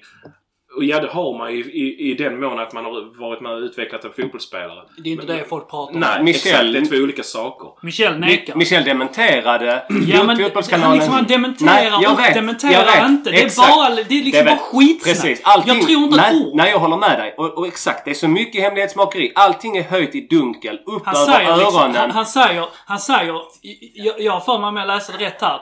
Om man kollar på det så säger han inte rakt Nej, ut så. det gör han inte. Det finns ingen. Utan han bara typ så, jag dementerar uppgiften. Exakt. Och det är liksom bara typ så, han säger inte så. Det finns ingen klausul. Nej. Det är du som har suttit med detta. Han pratar Exakt. typ i stil med typ så. Mig veterligen finns Ex- det ingen, inget avtal med... det det är du som har suttit Det- och förhandlat människa. Exakt, och han, och, han, och han för oss supportrar bakom ljuset. Nu, ble, nu skapas det ett verkligt problem. Boys ledord, när man rensade ut hela jävla klubben. Boys, boys filosofi och Boys som ledord var att vi ska vara transparenta. Exakt. Var fan är den transparensen? Michel sitter och, och, och, och liksom, jag vet inte, spelar något jävla mindgame. Sluta! Det brukar också vara så här att... uh, en, en sak man, man pratar mycket om i, um, i, i amerikansk sportmedia, det är liksom så här. Vilka uppgifter finns i media? Och varför finns uppgifterna i media? Och en sak man kan säga där, men vilka uppgifter finns i den här försäljningen? Ett, det finns vad jag vet ingen uppgifter om något, eh, eh, om någon kostnad Nej. för Ålborg. Och vem tjänar på att berätta att det, det, kostnaden är hög? Boys tjänar på att kostnaden är hög. Så när kostnaden är hög, när det kommer in mycket pengar till den säljande klubben, då vill den säljande klubben berätta det. Då vill man plantera den uppgiften i media. Då vill man berätta det för Fotbollskanalen att vi fick, vi fick 8 miljoner här. När vi sålde den här spelaren. När, eh, när, när vi som Superettan-klubb fick sälja den här spelaren, då fick vi 8 miljoner. Då vill man få ut det. För det är positivt för klubben där. Det enda, de, de uppgifterna som finns, det är att det fanns en vidareförsäljningsklausul. Vem är det positivt för? Det är positivt för MFF. För att Det betyder att MFF kan säga till sina eh, supportrar att ja men kolla här. Vi skänkte nästan bort den här spelaren, men kolla så bra vi förhandlade. Nu får vi pengar istället här. Vi är duktiga på detta. Mm. Vad fanns det också? Och det Ja. semidementerar han också, men inte 100%. Men de, också så, stå, så står det att, eh, att Videll får jättemycket pengar. Att han får en bra lön, han får en sign-on-bonus och hela den här biten. Vem gynnar det? Jo, det gynnar ju Melko. Ja, För exakt. det betyder att ja, men ingen supporter kan, kan liksom säga, säga... Alla förstår honom. Går du till Danmark, tjäna 100 papp i månaden. Mm. Jag hade liksom, jag hade stuckit på, på en halvmiss. Och jag älskar boys. Mm. Det är klart, då låter det ju som att den uppgiften är ju planterad av Vidells agent i så fall som har berättat att ja, okej, han lämnar efter sex månader men kolla hur ska han kunna tacka nej till detta? Precis. Och, Mi- och Michel... Därför, boys har inte fått någon bra peng för Men detta. Michel för då säger, hade- vet du vad Michel också säger? Om inte jag är helt ute och cyklar. Han, han säger också att med tanke på var vi har befunnit oss så är det en bra affär. Typ så uttalar han sig. Så det var inte rakt ut att vi gör en riktigt bra försäljning. Utan hela tiden väva in det i Titta var vi har varit. Allting, allting är ju bra jämfört med var vi har varit. Ja. Men Ja, det var, en, var klausul, där var en klausul inblandad i det här att boys, boys kunde inte, boys hade inte rätten att tacka nej till det här avtalet. Eh, eller det här budet. Och var bakbundna. Och vi vet inte ens om det handlar om en miljon, fyra miljoner. Vi, vi, i- det finns inte en summa vad jag har hittat. Nej, all, alltså Nej. de summorna får man ju alltså, givetvis på nästa års årsmöte för att det är ju liksom... Men i det Jebanas fall, efter. den summan, den kom ju ut. Ja. Det handlar ju om en 3 miljoner, 2-3 miljoner. Alltså Mm. summorna, summorna kommer där Ja. om, om folk vill. ja. Och det går ofta ganska snabbt. Så varför inte bara vara trans- mer transparenta? Absolut. Jag håller helt med dig. Ja, varför ska vi gå och vänta på årsmötet exakt. mars? Liksom, för det skapar, för det skapar liksom. en irritation och det skapar en vi mot dem. Det gör det. Sen förstår jag att klubben... Om man, om, man, om man ska försöka se det ur klubbens perspektiv så förstår jag att man inte kan delge allt. Men när det är saker som, som på kort och på lång sikt riskerar att skada klubben, där man dessutom vet att liksom inom väldigt kort tid så kommer de här uppgifterna vara läckta. Och istället då så har vi skapat en vi mot dem-känsla och det skapar en irritation och frustration. Ja, vi fick reda på det här två veckor senare. Varför kunde ni inte bara varit öppna och ärliga direkt Som ni istället? säger att ni ska vara. Som ni säger att ni ska vara. Ja. Ja, det är ju... Det, är det luktar... Det luktar... Det osar katt. Vi har ju fått in eh, egentligen jättemycket eh, tankar, kommentarer och eh, frågor och åsikter. Så att vi kan väl försöka att och beta av dem i, i den takt eh, som är möjligt här. En del, en del har vi redan varit inne på så att vi får, vi får försöka och eh, eh sålla i terrängen helt enkelt. Men eh, Niklas Persson skriver lite semilångt här men eh, bear with me. Eh, och det är lite grann inne på det vi nyss varit inne på. Men eh, kontraktskrivningarna, hur bra är de egentligen? Låter superbra med långa kontrakt men så finns det alltid klausuler som gör att spelarna plötsligt kan lämna. Och då står vi där, vi måste finna nya spelare snabbt igen och eh, spela in dem i vårt system, jada jada jada.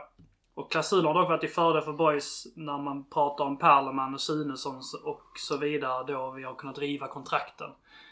Um, ja, men var, var befinner vi oss egentligen liksom i de här kontrakt? Tidigare så har det varit en jättestor eh, hållpunkt för boys i att de här kontrakten eh, att vi ska skriva långa kontrakt, att vi ska, ska, vi ska kunna sälja spelare och så vidare. Men det känns hela tiden som att vi säljer spelare med en ny asterix, eller asterix, på, på oss. Det, ja, återigen, även med, även med kontrakten så känner jag att det är liksom ett steg fram och ett steg bak ändå.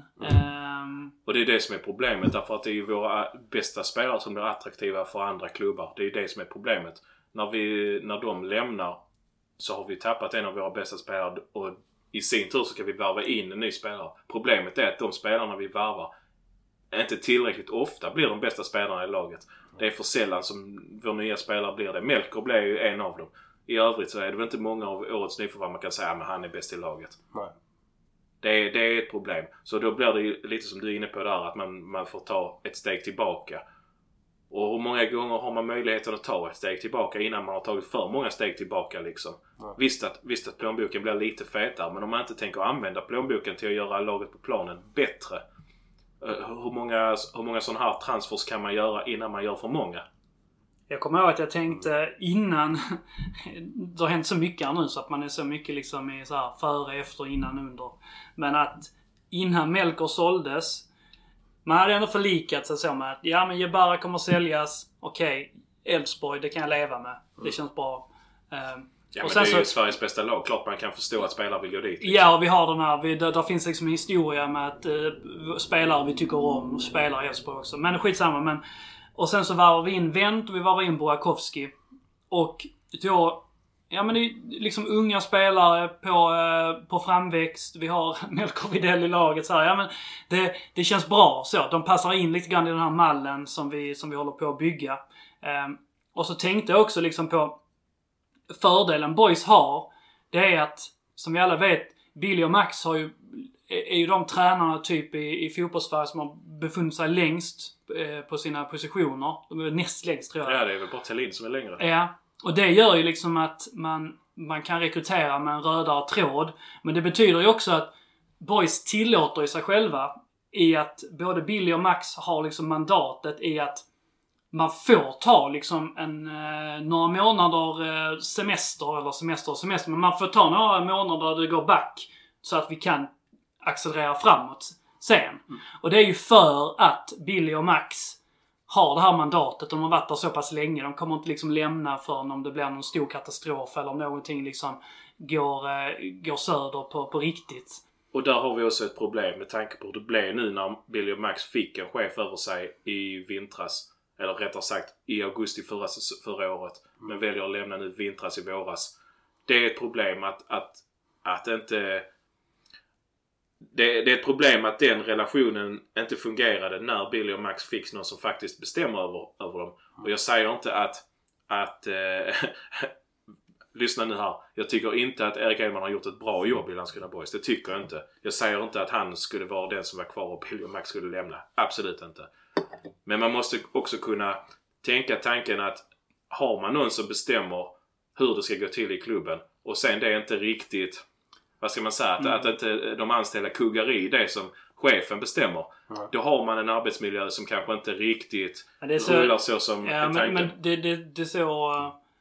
Det är så ologiskt också att det du beskriver, att Billy och Max skulle liksom eh, relatera till det. För att det, det, det är ju... Det vi egentligen alla vet och kan läsa mellan raderna, det, är- det är de som bestämmer. Precis. Att då liksom Erik skulle kun, egentligen skulle kunna komma in och jobba ovanför dem. Det var liksom... Det, på sin höjd, det var lite grann det... Det kändes lite grann som att det var det de bes, försökte beskriva i att de egentligen skulle försöka jobba liksom parallellt så att säga, i samma, i samma nivå. Men det är precis som du säger så. Det finns ingen ansvarskrävan för dem. Det enda ansvarskrävan som finns mot Billy och Max, det är den dagen det liksom har gått åt helvete. Ja, när det Och- står en jävla och- massa supportrar Ja, och styrelsen känner Exakt. så. Ja men... Ja, nej nu går det inte liksom längre. Fram till den dagen så finns liksom ingen som egentligen kommer kunna sätta någonting liksom så att nu går vi i den här riktningen istället så. Utan de, de fungerar ju på gott och ont i den Ja, men i den riktningen. Och det, det jag inte skulle komma till, kopplat till till exempel de här varvningarna med Wendt och Burakovsky. För det, det kände vi ändå typ så. Ja, men det, detta är ju feta varvningar liksom. Och allting man kunde se med Wendt och så på hans jävla spider, hela den här biten.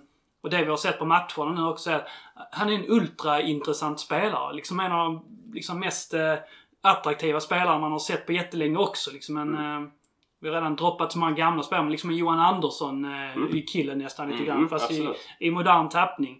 Och vanligtvis så kan ju inte tränare varva spelare som bygger sin som byggs så mycket på att de ska utvecklas och att de har potential. För att vanligtvis så behöver ju tränare, de måste ju prestera här och nu. De måste ju liksom varva spelare som kan hjälpa dem nu. De, de har inte råd att varva spelare som kan starta men som ändå inte kan liksom vara redo för någon fyra månader. Som vi kanske liksom egentligen kommer vara fallet med Oscar Wendt. Han kommer säkert kunna prestera och vara duktig här och så här nu men liksom, hans riktiga säsong kommer vara nästa år. Ja. Han kommer spela mycket och så här nu. Men egentligen skulle han behöva en akklimatiseringsperiod här nu. Där han får hoppa in och liksom se och lära. Och sen så nästa säsong, då jävlar, då ska det flyga. Men Det är det som Boys har liksom råd att göra den här. För att det är liksom, det är ingen som kräver att Boys ska gå upp i Allsvenskan. Det är ingen som kräver att liksom så, ja men vi, vi, ska, bli, vi ska bli bättre än i fjol. Så vi ska bli femma. Men liksom, det- men så, det är egentligen så. Men du, blir vi, blir vi sjua? Så Det är lugnt. Det är Och det är det fine, är fine. Det är skitsamma. Prestationerna är det viktigaste. Ja, ska exakt precis komma till det. Det som är problemet är när man bara pratar prestationer och Ja. inte resultat. Liksom. Ja, nu- visserligen så har ju Boys sagt att ja, vi ska placera oss bättre än vad vi gjorde förra säsongen. Det vill säga antingen topp 5 eller fler än 44 poäng. I nuläget ser jag, som svårt att uppnå det och då får man i så fall ställa sig frågan. Eh, om vi inte klarar vår målsättningen, vad gör vi då? Och det, är- det är då det blir skarpt läge. det då händer måste- ingenting. Det kan Nej, jag ju nej, säga nu. Och det, ja, men det Och vi lär inte klara den. Nej, men alltså, det, det, nej, det men det beror ju på hur långt ifrån vår målsättningen är. Behöver vi kvala oss kvar i Superettan? Precis. Åker vi ur Superettan? Vad gör vi då? Ja men, Ja. ja. Alltså åker vi ur, då är det ju katastrof.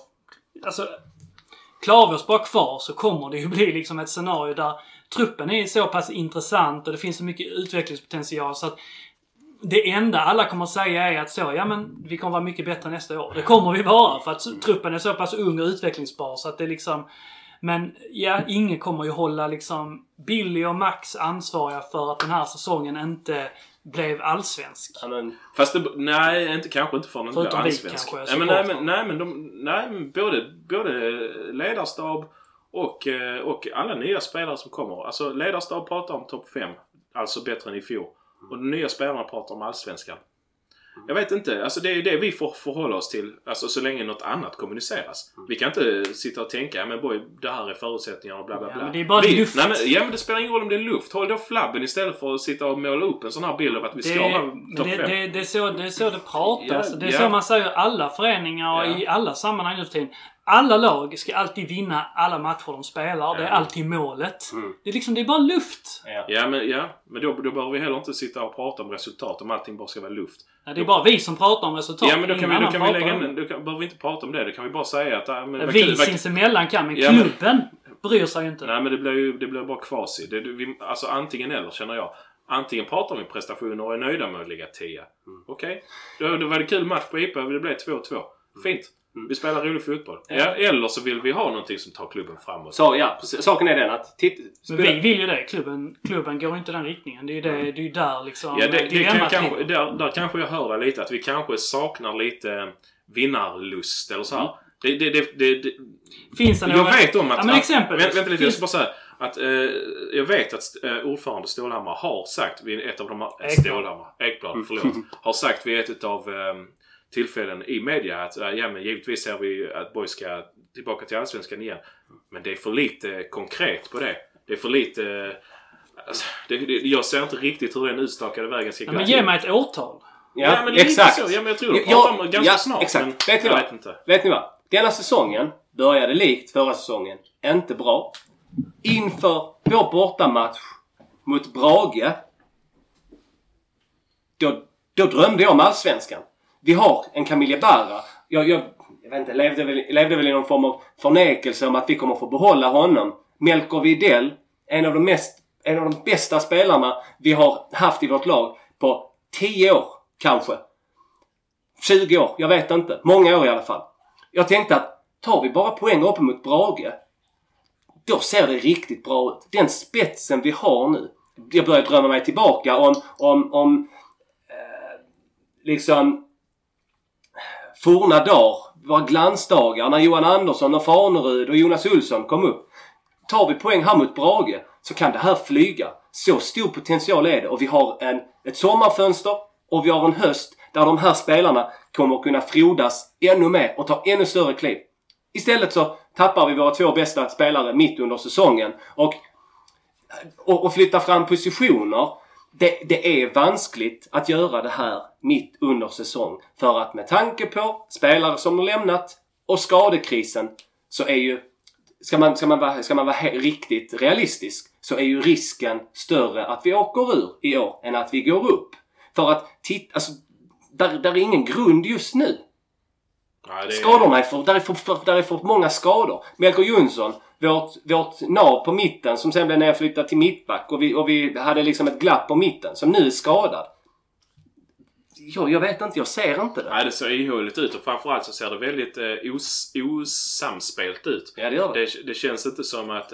Och det, det har ju såklart sina förklaringar i att man säljer spelare och att man blir skadad. Men, men det är ju så, det är ju till viss del så fotbollsvärlden ser ut och det, det är, det är svårt för oss att acceptera det att man säljer sina bästa spelare. Nu har det blivit så. Då får man liksom också vara beredd från Boys håll att ta de konsekvenserna som det blir. Att okej, okay, då har vi liksom ett, ett lag som ska eh, sammansvetsas igen och så, så, så, säger man att ja men vi har lyckats med det förr. Ja det har ni kanske men man kanske inte lyckas varje gång. Nej. Och det, det är ett högt spel att spela när Ja. Boys är den poängskörden som man har liksom. Exakt. Och tidigare har vi ju haft lokala spelare, rutinerade spelare att vila på. Nu har vi ju ingen att vila på. Alla kan inte stå och luta sig mot Caddo.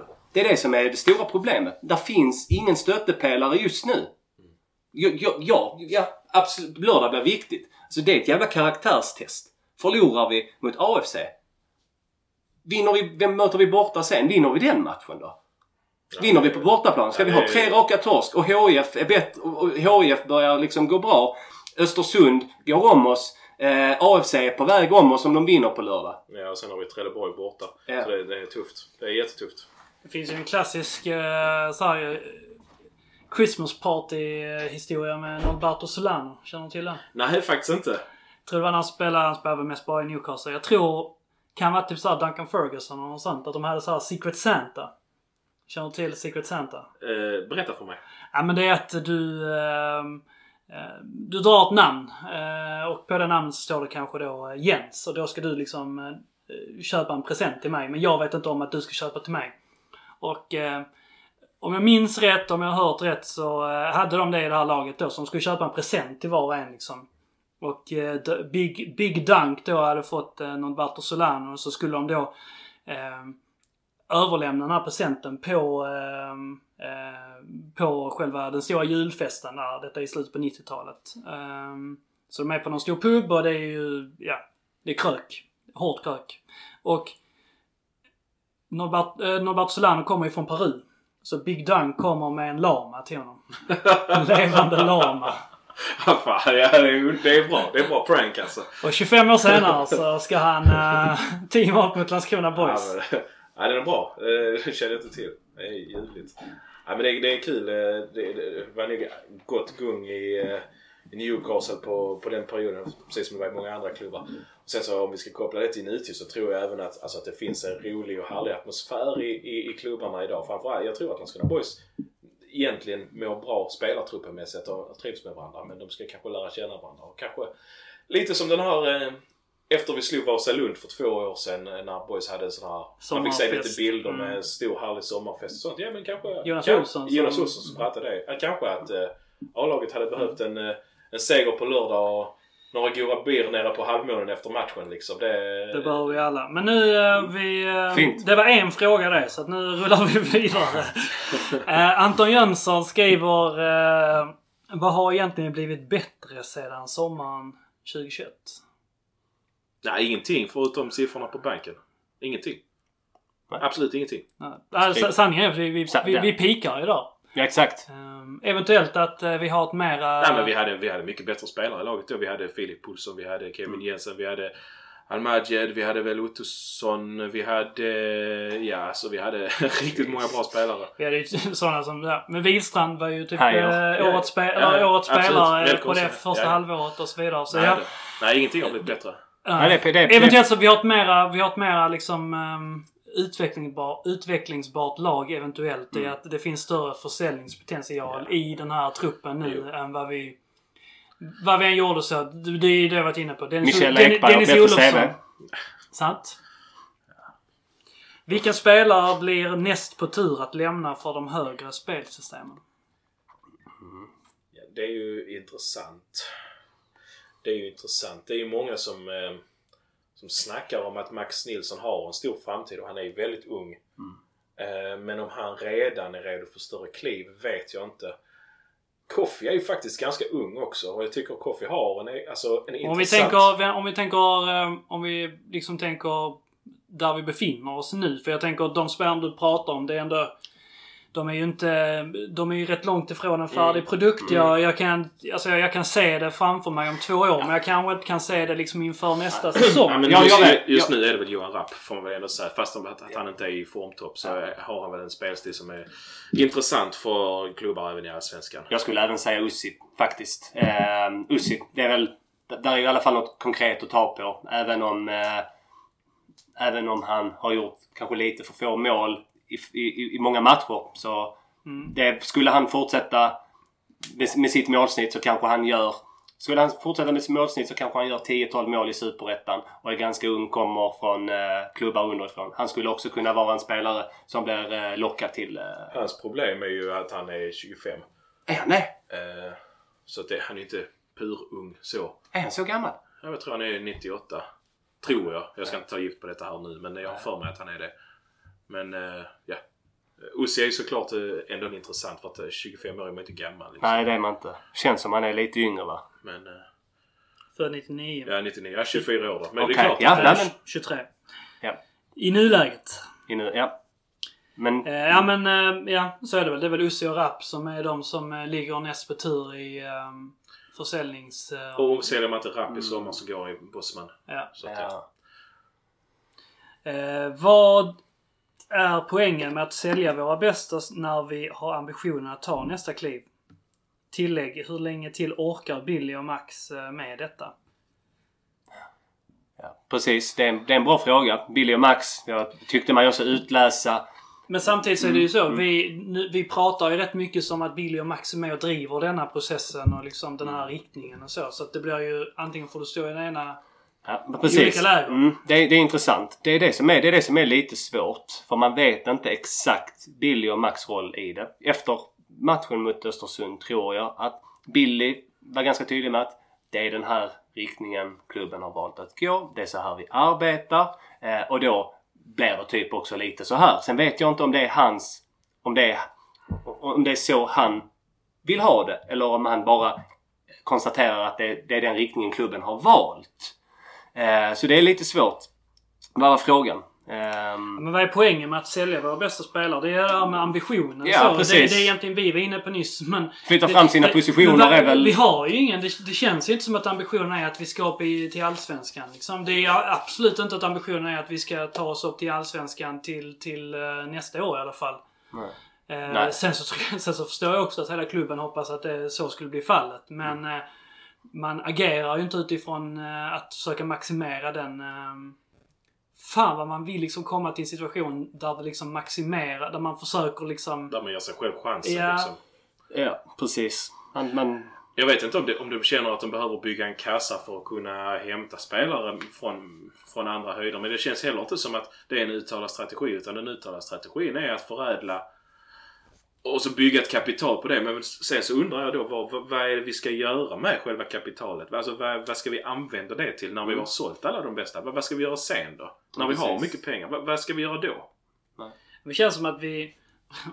Liksom, bilden är att vi ska bli ett, eh, ett topplag i Superettan istället för att vi ska bli ett... eh, Ja, men i min värld så... Ett bottenlag i Superettan. Ett mittenlag, bottenlag i Superettan så. Det låter ju som eh, horribla drömmar. Men jag menar så. På, på ett sätt eller annat så. Det, det hade man ju tagit liksom så. Hade vi slagits med kniven mot strupen i, i Allsvenskan år efter år så. Ja men liksom ge mig den verkligheten. Men det känns som att klubben tar höjd för att vara ett topplag i Superettan och Ja men om, om stjärnor står rätt och liksom saker och ting faller, faller i sin tur med rekryteringar och sånt. Så blir vi ett, eh, ett topplag helt enkelt. men nej, det, det kommer aldrig gå. Det, vi kommer aldrig kunna ta klivet upp med den kontinuiteten som finns nu. Med spelares eh, tidshorisonter på ett till två år. Det kommer aldrig gå. Vi kommer aldrig att kunna bli så sammansättade och så pass bra att vi kommer att kunna ta klivet upp. Det, det tror jag inte. Vi kommer på, vi kommer på vår höjd bli en etablerad superettan-klubb som verkligen Ja men det är här vi befinner oss i näringskedjan. Vi är nöjda med det. Eh, Nej men det, det tror jag aldrig. Jag tror alltid att...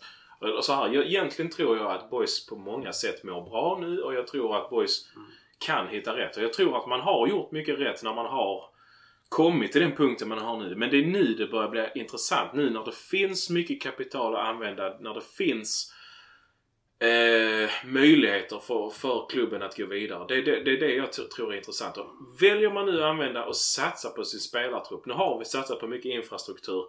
Nu är det dags att satsa på spelartruppen och satsa på kvalitet i spelartruppen. Då kan, det, då kan det vända. Det är det som behövs. Eh, Vi fortsätter här. Simon Bergsten skriver eh, väldigt mycket på det som vi redan varit inne på här nu nyss. Eh, hur kan man rättfärdiga att ha en ambition om allsvenskt spel men man planerar inte för det?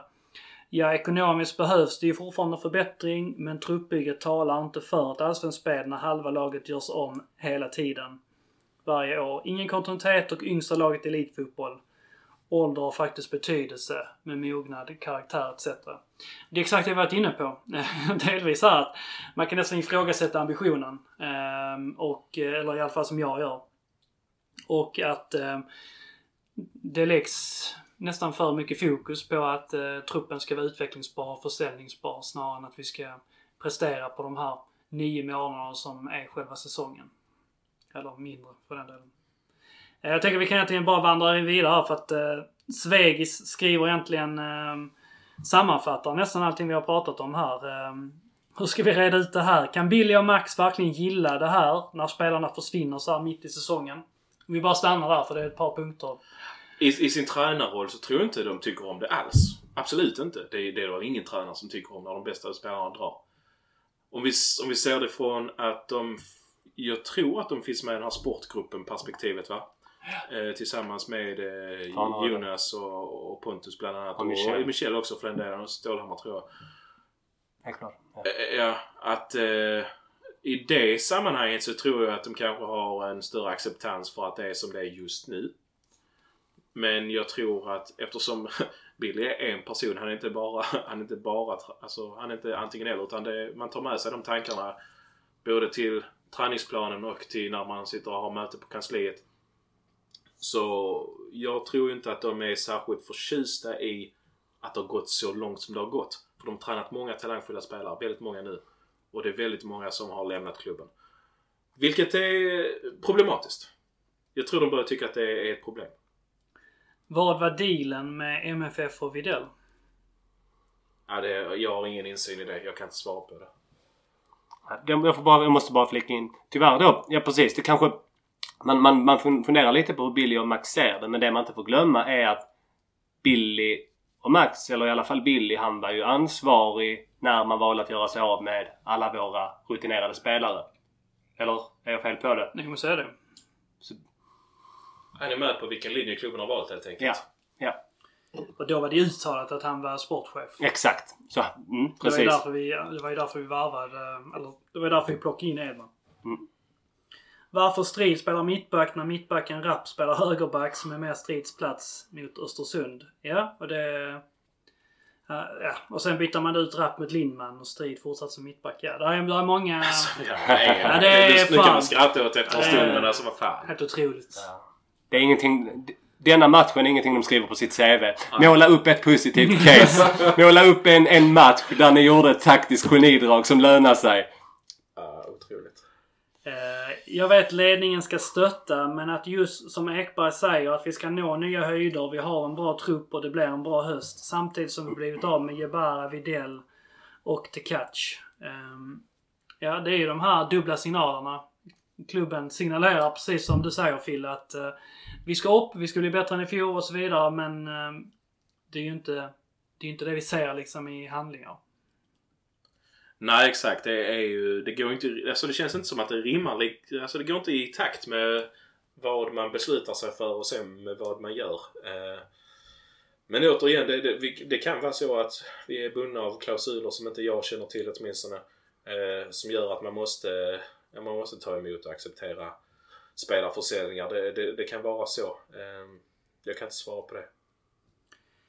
Nyförvärven, ingen som vet någonting om dem i så här höga sammanhang. Så är det ju. Vi plockar ju från en hylla där eh, vi Ja. inte finns. Alla kommer från tredje divisionen hittills. Eh, jag, kan bara, jag kan inte prata om dansken för honom har jag inte sett det nu. Men de andra tre har jag sett. Jag tycker det är bra fotbollsspelare allihopa. Men eh, problemet är inte... Eller problemet. Jag ska inte, säga, jag ska inte måla upp det som ett problem redan. Men i sammanhanget blir det ett problem att alla är orutinerade. Alla är väldigt unga. Och ingen av dem har spelat jättemycket seniorfotboll.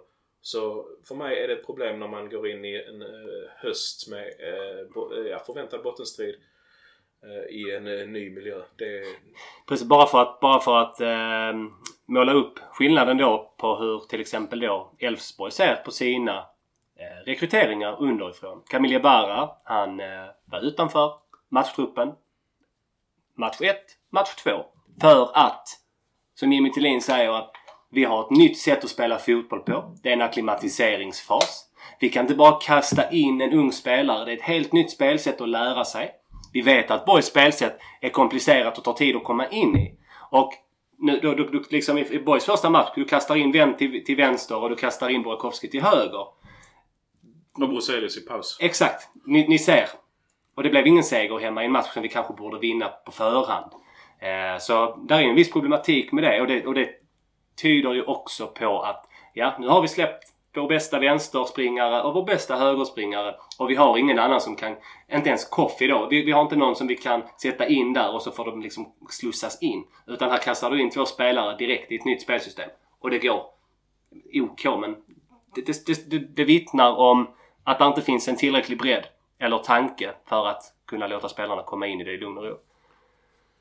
Anton Jönsson skriver eh, Vad är tanken med nummer 9 i vårt spelsätt? Sällan involverad i spelet på något sätt.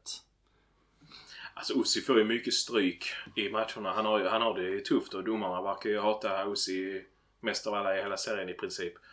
Men... Eh, alltså som jag ser det så är han lite för... Alltså vi, vi får ut lite för lite av Ossi. Eh, han kommer ju till två fina lägen mot Östersund. Och det var det ena sätter han på ett fantastiskt fint eh, långskott. Ja. Det andra kanske han borde gjort mål på. Så för mig så involvera honom så mycket som möjligt. Han är ju eh, alltså en beast i luftspelet. Han hoppar väl högst i serien förmodligen. Han har gjort massor med mål på huvudet tidigare. Eh, jag vet inte. Det är väl kanske för att Boys inte spelar den typen av inläggsspel som, som kanske han hade mått bra av liksom. Nej, och han är precis... Träben på kanterna. Ja. Det, det beror också på det ju. Och även, ja, och även att Tittar man Ussi i spelet på fötterna, felvänd, eh, så har han, han har ju Alltså där han verkligen har utvecklingspotential det är ju hans touch och hans eh, spel med bollen vid fötterna. Det gör att han blir lite sårbar i det felvända spelet när han ska ha boll.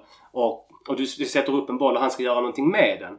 Där hade, det, liksom, och det jobbar han på. För han har ju så många styrkor. Men där är verkligen någonting som han hade behövt förbättra. För att vi skulle kunna använda och utnyttja vår nia mer.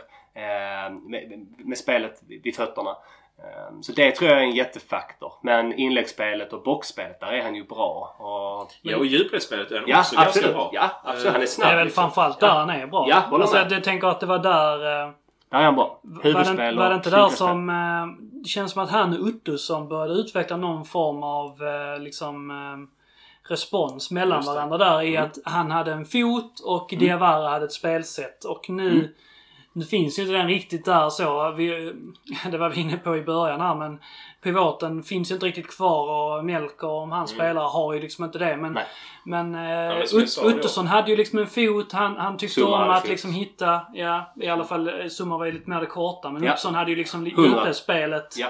Att han kunde, han kunde få för sig att kolla liksom. Mm. Ja. Det känns som att vi, vi, vi Ja. letar ju inte efter de passningarna som lag riktigt så utan... Ja, ja det, det har du rätt i. Det, det är lite mer kontroll. Det är lite, lite försiktigare.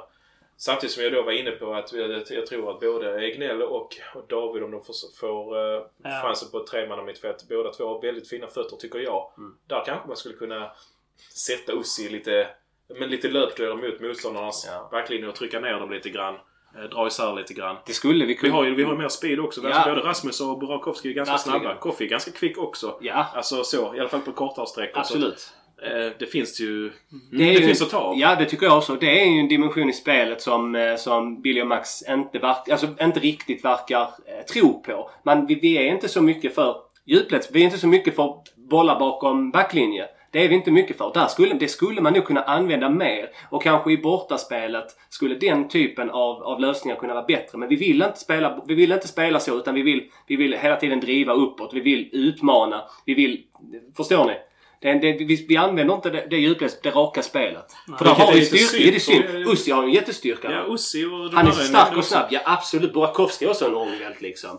Och har de kvaliteterna. Så det skulle man faktiskt kunna, kunna använda mer. Och det är möjligt att vi kommer att se en liten sån skiftning nu under hösten nu när vi har just varvat in spelare med de typerna av Mm. egenskaper. Att kanske, kanske Boys siktar på att bli lite rakare, lite cyniskare. Mm. Jag vet inte. Vi får, vi får se hur det blir liksom. Ja, absolut. Håller våra högerbackar defensivt med fokus på en mot en? Behövs det in något nytt där eller kommer någon av dem att växa? Nej men det håller absolut inte. Det, så- det har vi sett alltså nu eh, de sista eh, veckorna. Alltså Lindman mot Brage helt, alltså helt chanslös och strid nu när, alltså när han visserligen spelar mittback men fick gå ut i några dueller där ute längs med kanten. Rapp är inte heller, Rapp är inte heller världsklass defensivt. Defensivt, nej nej nej. Han är Nej. långsam också. Eh, Så att nej, nej, nej. Våra högerbackar, eh, pff, nej. Vi har problem på den positionen. Helt Ja. klart. Ja, det är ju det är en position vi har varit eh, helt otroligt svaga på Ja, det är att sanslöst. värva. Ja, det är Sanslöst alltså. Vincent har ju visat sig vara en total missräkning och Ja, Linnér också. strid också. Ja, exakt. också. Rapp har vi varit inne på många gånger och så. Det känns som att jag är hans största försvarare. Jag tycker ju att... Eh, försvarare.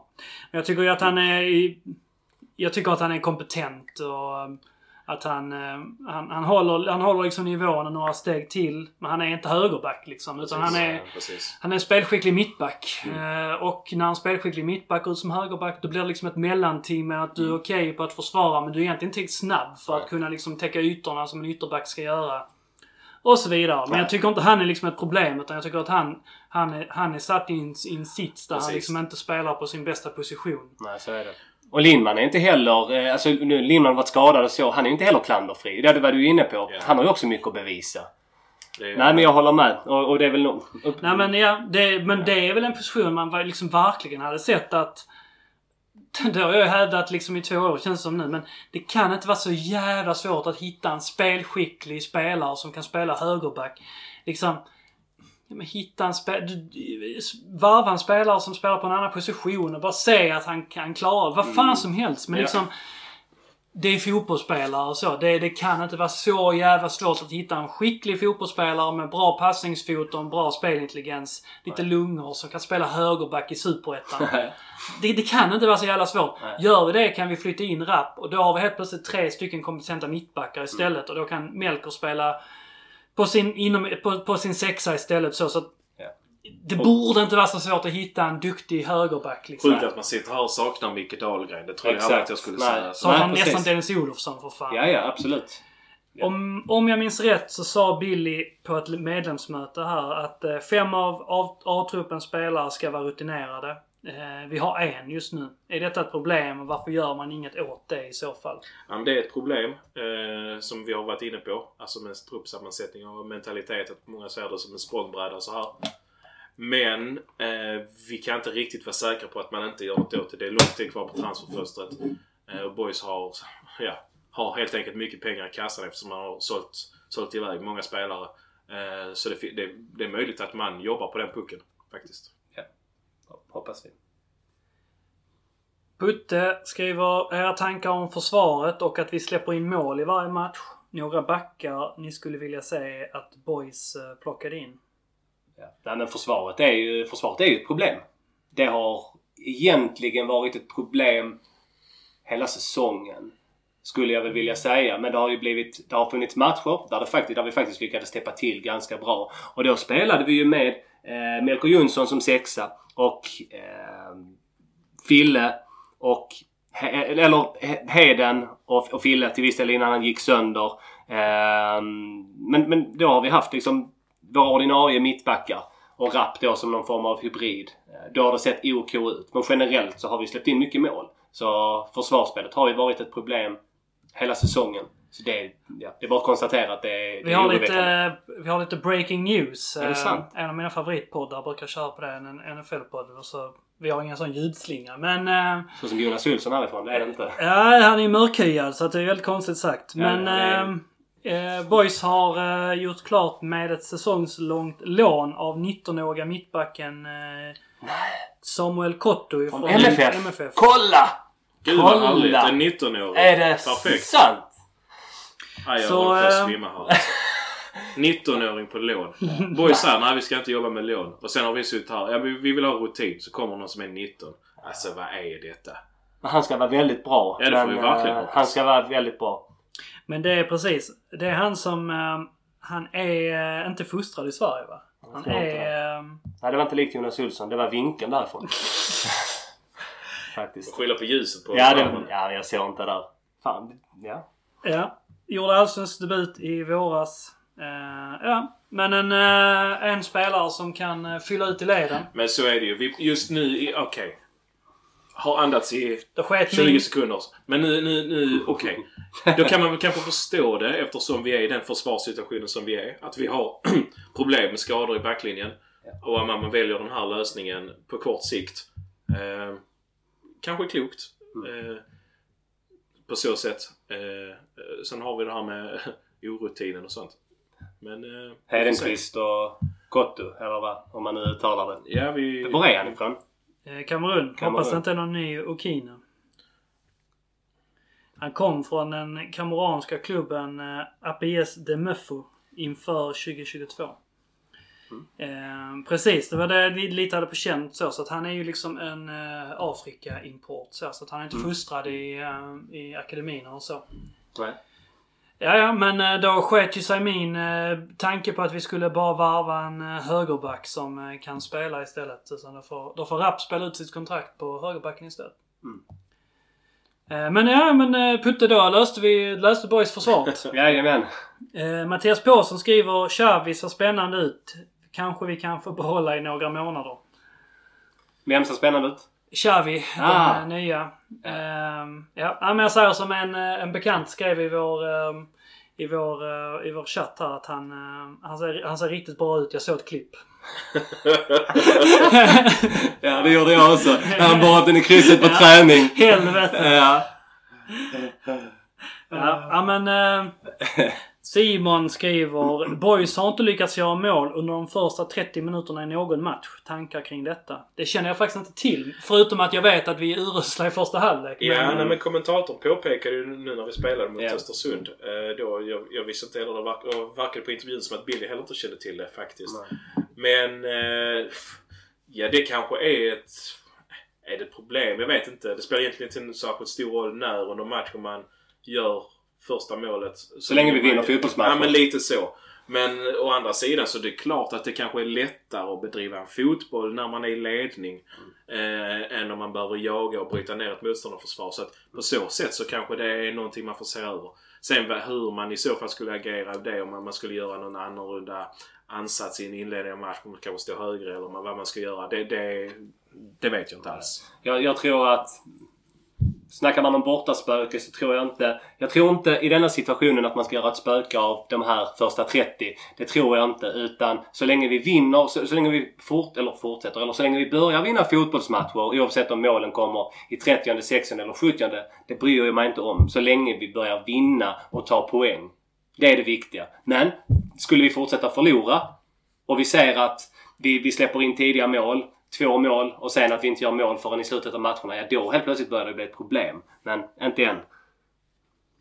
Kurt Nilsson skriver... Eh, det låter lite aggressivt mot oss här nu men... Vad sysslar ni med? Alla dessa spelare ut och in. Ingen spelarro alls. Eh, ja, han fokuserar ju på Boys då, inte på boyspodden. Men eh, det är det vi varit inne på. Ehm, att eh, det blir en jäkla massa rörelser och det blir ett steg fram och två steg bak. Ehm, och i den världen lever vi. Ehm, Anton Larsson skriver eh, Den tuffa balansgången i klubbens drift och den fina korta tidsperspektivet hos gemene supporter. Ja, är där, där kan, där, ja, men där, där kan vi börja med att och, och prata tuffa balansgångar. Är, är den tuff? Alltså, vi, vi pratar om ett ingångsvärde när vi går in i den här säsongen med flera miljoner på banken och sen vi har sålt då, ja men som vi har, som jag redan sa, fl- fyra spelare va? Eh, om vi räknar då in eh, Ondrejka. Eh, så, jag vet inte. Är, är det så tufft? Alltså vi, vi lever väl i en betydligt bättre sits än de flesta andra superettan-klubbarna. Ja, vet- och framförallt, är den tuff under de här omständigheterna så... eh, Vi, vi, vi kan ju inte befinna oss i en verklighet där vi säljer spelare eh, i den här takten hela tiden. Liksom. Nej, så, nej, så att, det går inte.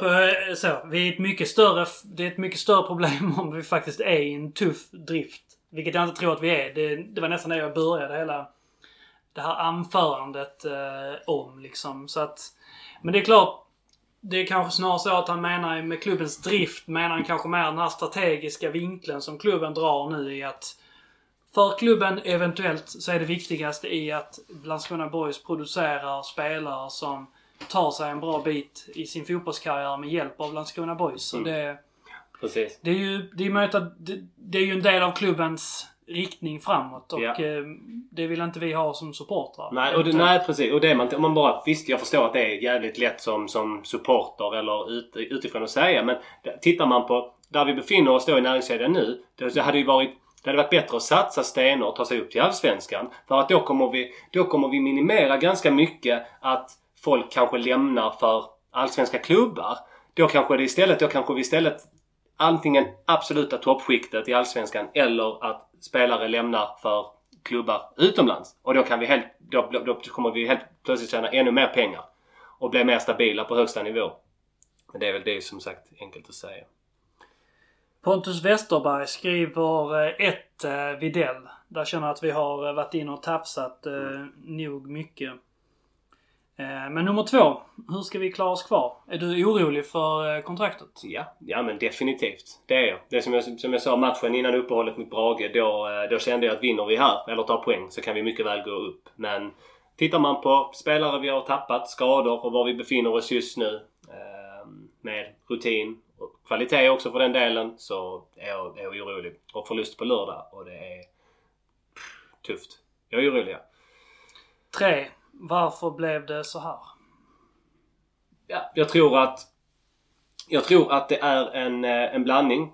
Men om jag ska, om jag ska liksom identifiera någonting så tror jag att en stor faktor är att vi sitter... Hade vi haft en sportchef på sin position som hade suttit med en längre horisont tror jag det hade sett helt annorlunda ut. Ehm, jag, jag, tror det är, jag tror det är farligt att man, även om det är den här sportgruppen så hade vi behövt en mer auktoritär sportchef med, med som sagt en längre horisont. Jag tror att det, påverkar. Måste, alltså så, men visst. Jag fattar att så här, Michel är sportchef nu liksom per, per definition för att eh, han är klubbchef och eh, det, bara, det bara blev så i den här kartan där, eh, där, där, där ansvariga hoppar upp och ner och så vidare. Men alltså Michel, är, Michel har liksom ingen så här sportslig operativ eh, bakgrund. Eh, Billy och Max har varit i klubben i 110 000-tals år. Det måste ju vara därifrån som klubbens... Som besluten tas. Alltså jag, jag har så sjukt svårt att säga att det är Michel som driver upp någon form av... Ska vi acceptera det här budet eller inte? Det måste ju komma utifrån Billy och Max nu. Och sen så måste... Michel Alltså- måste ju vara någon form av eh, bara liksom marionett. Ja, Men det är ju det är framförallt så Han ska ju sluta. jag vet, han får väl leka bilförsäljare igen och du vet känna på hur det känns att göra affärer. Ja, Jag, men jag vet framförallt inte. är det så här att han måste ju såklart förhålla sig vad det står i spelarens kontrakt. Det är nummer ett. Mm. Sen vem som tar de här besluten. Det, ja, det finns ju en etablerad sportgrupp nu med, som vi pratade om, Jonas, Pontus, ja, allihopa. Och så plus jag glömde säga innan George. Som är också scout, som också är med- med i Boys rekryterings... Ja, men det, även där, det låter ju så liksom... Det låter ju så långsökt att säga Pontus och Jonas här. Jonas befinner sig på någon yacht i Ja, eh, ändå- Greklands öar. Pontus befinner sig i Marbella liksom. De har ändå- de, ja, jag vet. De, de pratar lite så. De dunkar varandra i ryggen och så. Men de vet ju inte vad som pågår på planen. De vet ju inte vad som, hur lagets riktning framåt ska se ut så. Det finns ju bara två stycken. Ja, ja och ja, vi ska kanske till och med involvera Amir i det också. Ja, men, men, antagligen. men eh, ja, absolut. Men jag, alltså vad var nu frågan? Om vi skulle... Men varför det blev, varför har vi hamnat i den här eh, liksom, positionen egentligen? Ja men den största anledningen är väl att den eller personen som vi satsade på som skulle ha högsta sportsligt ansvar i Boys inte jobbar i Boys längre. Det är väl den största anledningen. Ja. Och då var det väl i så fall... Ja det var väl en felrekrytering från Boys sida i så fall. Får vi väl ändå konstatera. Men om vi, eh, om vi fortsätter in på nummer fyra då så är det så här eventuellt eventuella värvningar framöver här? Du har ju Mm. hintat på eh, tr- transferfönstret Fille här, men vad, vad ser ni som är realistiskt här? Nu har vi varvat in en eh, mittback på lån här resten av säsongen. Ja, men jag, sk- jag skulle ju må bra av att se någon som en kreativ mittfältare som skulle kunna ha lite, lite trumpinnar på, på fötterna, lite hastighet och som ändå har en blick för spelet. Om vi tänker en spelare, ja, nu blir det sjukt att säga så här men nu när man precis sitter efterfrågat rutin. Men om vi tänker Jonathan Levi, en, sp- en spelare som har den spelstilen. Vi har ju till exempel han eh, Kan värva Jonathan Levi. Ja, det hade varit något. Men vi har ju han Robin Book som spelar i Jönköping och Jönköping har ju stora problem med pengarna liksom. Eh, där- HFA. Ja, men han är en etablerad superettan-spelare. Har gjort många säsonger i superettan och gör det bra i Han är många mindre- åtta.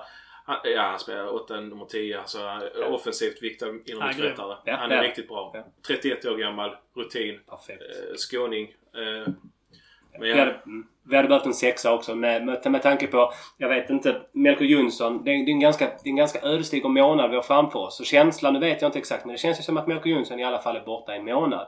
Eh, och jag vet ja, det är väl om Edvardsson går in och tar den rollen. Men en, vi, vi behöver en sexa också. Vi behöver någon som kan stötta upp den här unga, mitt, de här unga mittbackarna. Ja, alltså jag sa det utifrån att jag hade den tanken om att vi skulle gå över och spela med två stycken sexor och då, då skulle i så fall spela både Adam och David bredvid varandra. Men eh, om vi skulle låsa oss fast vid sexan-tanken att vi ska bara spela med en sexa då kan jag hålla med dig Gurra att det skulle kanske behövas någon som är bättre än det som vi har sett på den här positionen utifrån den truppen vi har idag. Det, det kan jag absolut hålla med dig om. Utan Jabara speed och Widells kreativitet. Vad tror ni är Billy och Max idé om hur vi ska göra mål? Undrar Oskar Törnqvist.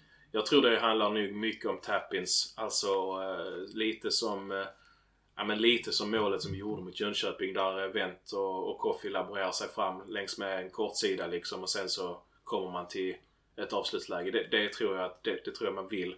Det är nog lite därför man har efterfrågat lite speed också. Spelare som kan gå ner och så göra cutbacks och så blir det enkla snett bakåtmål. Det, det tror jag att man, eh, man siktar på. Lite djupledsspel också så som vi hittade upp till, eh, till eh, vad heter han, Diawara mot Östersund liksom. När han hittar en djupledsduell. Jag hoppas att man lyckas få till den typen av anfallsaktioner lite oftare än vad man har fått hittills.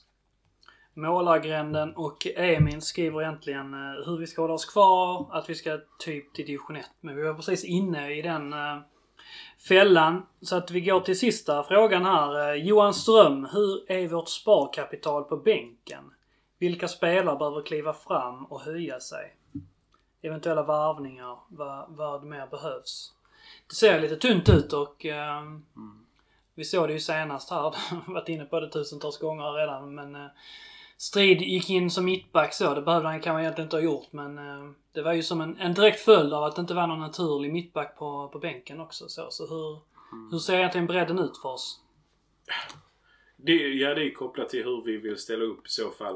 Eh, faktiskt. Jag tycker att vi vet ju, vi ska, inte, vi ska absolut inte lägga någon stor eh, vikt på Xavis axlar. Vi ska inte lägga för stor vikt på varken Samuels eller Rasmus axlar heller. Men det är ju... Eh, ytterforwardspositionerna är ju ändå viktiga i Boys sätt att anfalla, eh, anfalla. Så som jag ser det i alla fall. Eh, så där behöver ju egentligen samtliga steppa upp. Jag menar Rasmus gjorde ju poäng i sin första match och Samuel var faktiskt nära att göra poäng i sin första match. Ja. Så, men därifrån behöver det kanske komma lite assister, kanske lite mål. Ehm, och de som har varit mycket avbytare, ja det, det har väl varit David har väl varit mycket avbytare. Jag, ty, jag tycker varje gång jag ser David så ser jag ganska mycket fotboll i honom men han måste få det att lossna snart. När han snart, har snart gått halva säsongen. Och eh, jag tror att det finns mycket fotboll i David Everson som jag bara väntar på att få se Ja. kliva och dominera. Jag tror som sagt, återigen, ska inte bli långrandig i det, men jag tror han hade mått bra av att ha en till defensiv mittfältare bredvid sig där de kan tillsammans vinna boll. För jag ser att David har egenskaper som jag gillar i tacklingsförmåga. Han har eh, bra, bra eh, sätt att vända på spelet. Precis som jag tycker att Adam har. Adam kanske saknar lite av det här med tacklingar och när, närspelet. Men en bra passningsspel som jag, jag tror egentligen att Boys eh, inte maximerar till, till 100 så som man, gör, som man skulle kunna göra i nuläget. Mm. Nej men det känns väl som att det är väl... Om man ska om man får se något positivt i det negativa med att eh, Melker Jonsson är skadad så kanske detta här då blir David Edvardssons chans att faktiskt ta den här.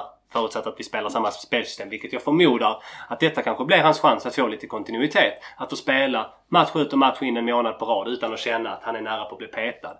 Eh, och så, så det är som du säger, det är en spelare som behöver ta kliv och även Adam Egnell är ju en spelare som man... Det var ändå som en spelare vi, vi köpte in för pengar och hade väl en OK förra säsong. Inte superbra. Men eh, det är en spelare som verkligen behöver ta kliv. Och sen så har vi ju nu nyligen kontrakterat en dansk forward liksom. Eh, det ska bli spännande. Vad är tanken med honom? Är det tanken att han ska utmana Ussi? Ska han utmana Sunesson? Ska han vara avbytare? Ska han vara ytter? Ska de spela båda två samtidigt? Vi får lite se. Vi har inte riktigt fått se honom i matchsituationer än så det är lite svårt att chansa eller säga vad man ser utav honom. Men det är väl klart att när man spel, värvar en spelare från en så pass stor klubb som Århus och vad jag har fått se på så här kommentarsfält i, kring artiklar och sånt så verkar det som att många är lite besvikna att han lämnar. Han verkar vara one of their own liksom. Eh, verkar vara en omtyckt spelare. Eh, vi får hoppas att eh, han blir lika omtyckt här i Landskrona. Mm. Ja, ja. Jag, jag har en viktig sak jag måste flika in. Jag gjorde, jag gjorde ett eh, commitment igår. Eh, jag, jag var ju på resa och eh, i, på vårt hotell, ska jag försöka dra den här storyn ganska kort. Men eh, i söndags, eller måndags, så skulle, skulle Djurgården möta Malmö. Och jag sa till, till Lina då på morgonen att fan, där var en Djurgården. Jag hade sett några, några stickers på några lyktstolpar och så en, en snubbe då på hotellet gaddad med Djurgården och sonen med såna här badpuffar och så vidare. Så jag tänkte jag ska fan försöka snacka med honom. Så jag hoppas att de ska se matchen. Ja, så pratade jag med honom och snackade vi en kvart. Han passade sin, eh, sin lille, lille unge då. Sen blev det inte mer. Och sen så, eh, klockan var halv sju. Och så ja, tänkte jag få se den på mobilen. Jag sa det, går du ut och shoppar liksom så, så kollar jag kollar jag matchen på telefonen. Men då stod han och väntade på sin balkong. Han hade haft dåligt samvete för att han hade rattat så de skulle kunna få se matchen på en sportbar.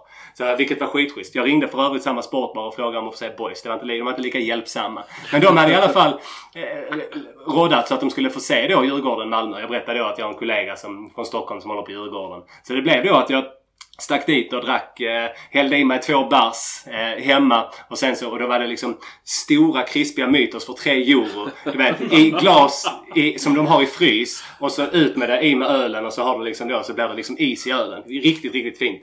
Så vi fick igång matchen och sen så kom det en massa annat folk. Och det var där liksom en farsa med två ungar.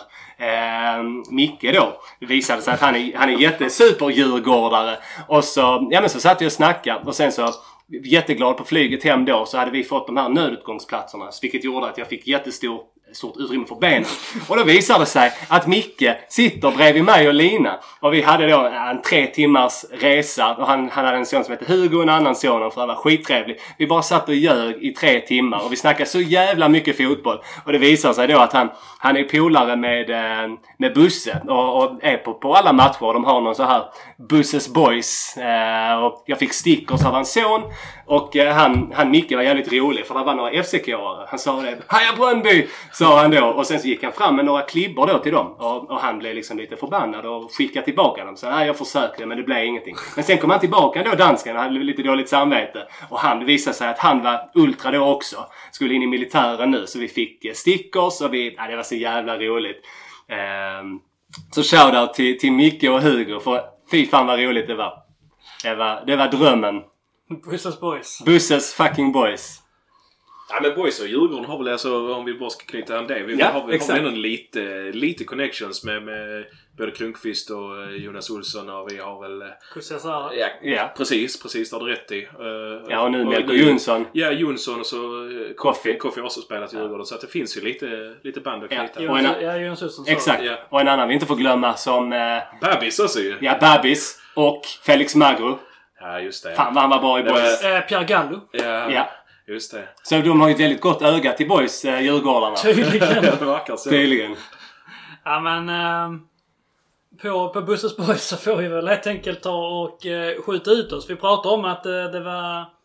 Det var upplagt för ett långt eh, avsnitt här. Vi bara tuffa upp mot eh, två timmar. Så det tycker jag att vi... Eh, vi tar en även på och eh, säger gott, eh, gott jobb här och...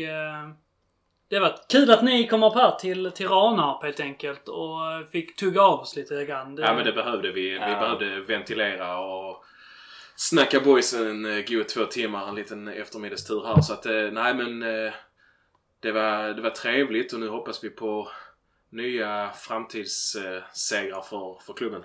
Ja, det gör vi. vet vi att vi står här med, med positiva tongångar. Så det enda vi behöver är tre poäng. Tre, Så, tre poäng på lördag så... Är så är vi upp mot Allsvenskan. ja men då, är det har vi hängt på kvalet ju. Då Ja, det exakt. Man är ju så jäkla resultatstyrd i tanken hur ens känslor går. Så att det, man mår som boys. Eh, man, måendet går mycket i takt med boys, så är det. Ja. Ja men ljuvligt. Och eh, tack till er som har lyssnat. Och eh, framförallt en eh, lång och härlig sommar. Och... Eh, Och glöm inte var vi befann oss för fyra år sedan. Heja boys! Heja boys!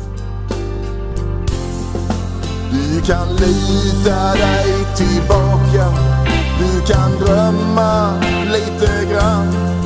Som om Gud var lika randig som sinne din sida.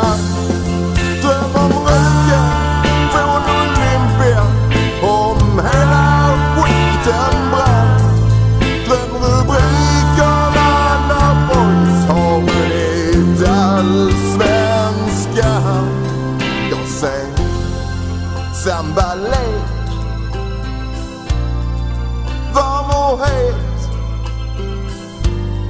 Jag ser grym överlägsenhet. Ja, du ser väl det själv vilket underbart lag.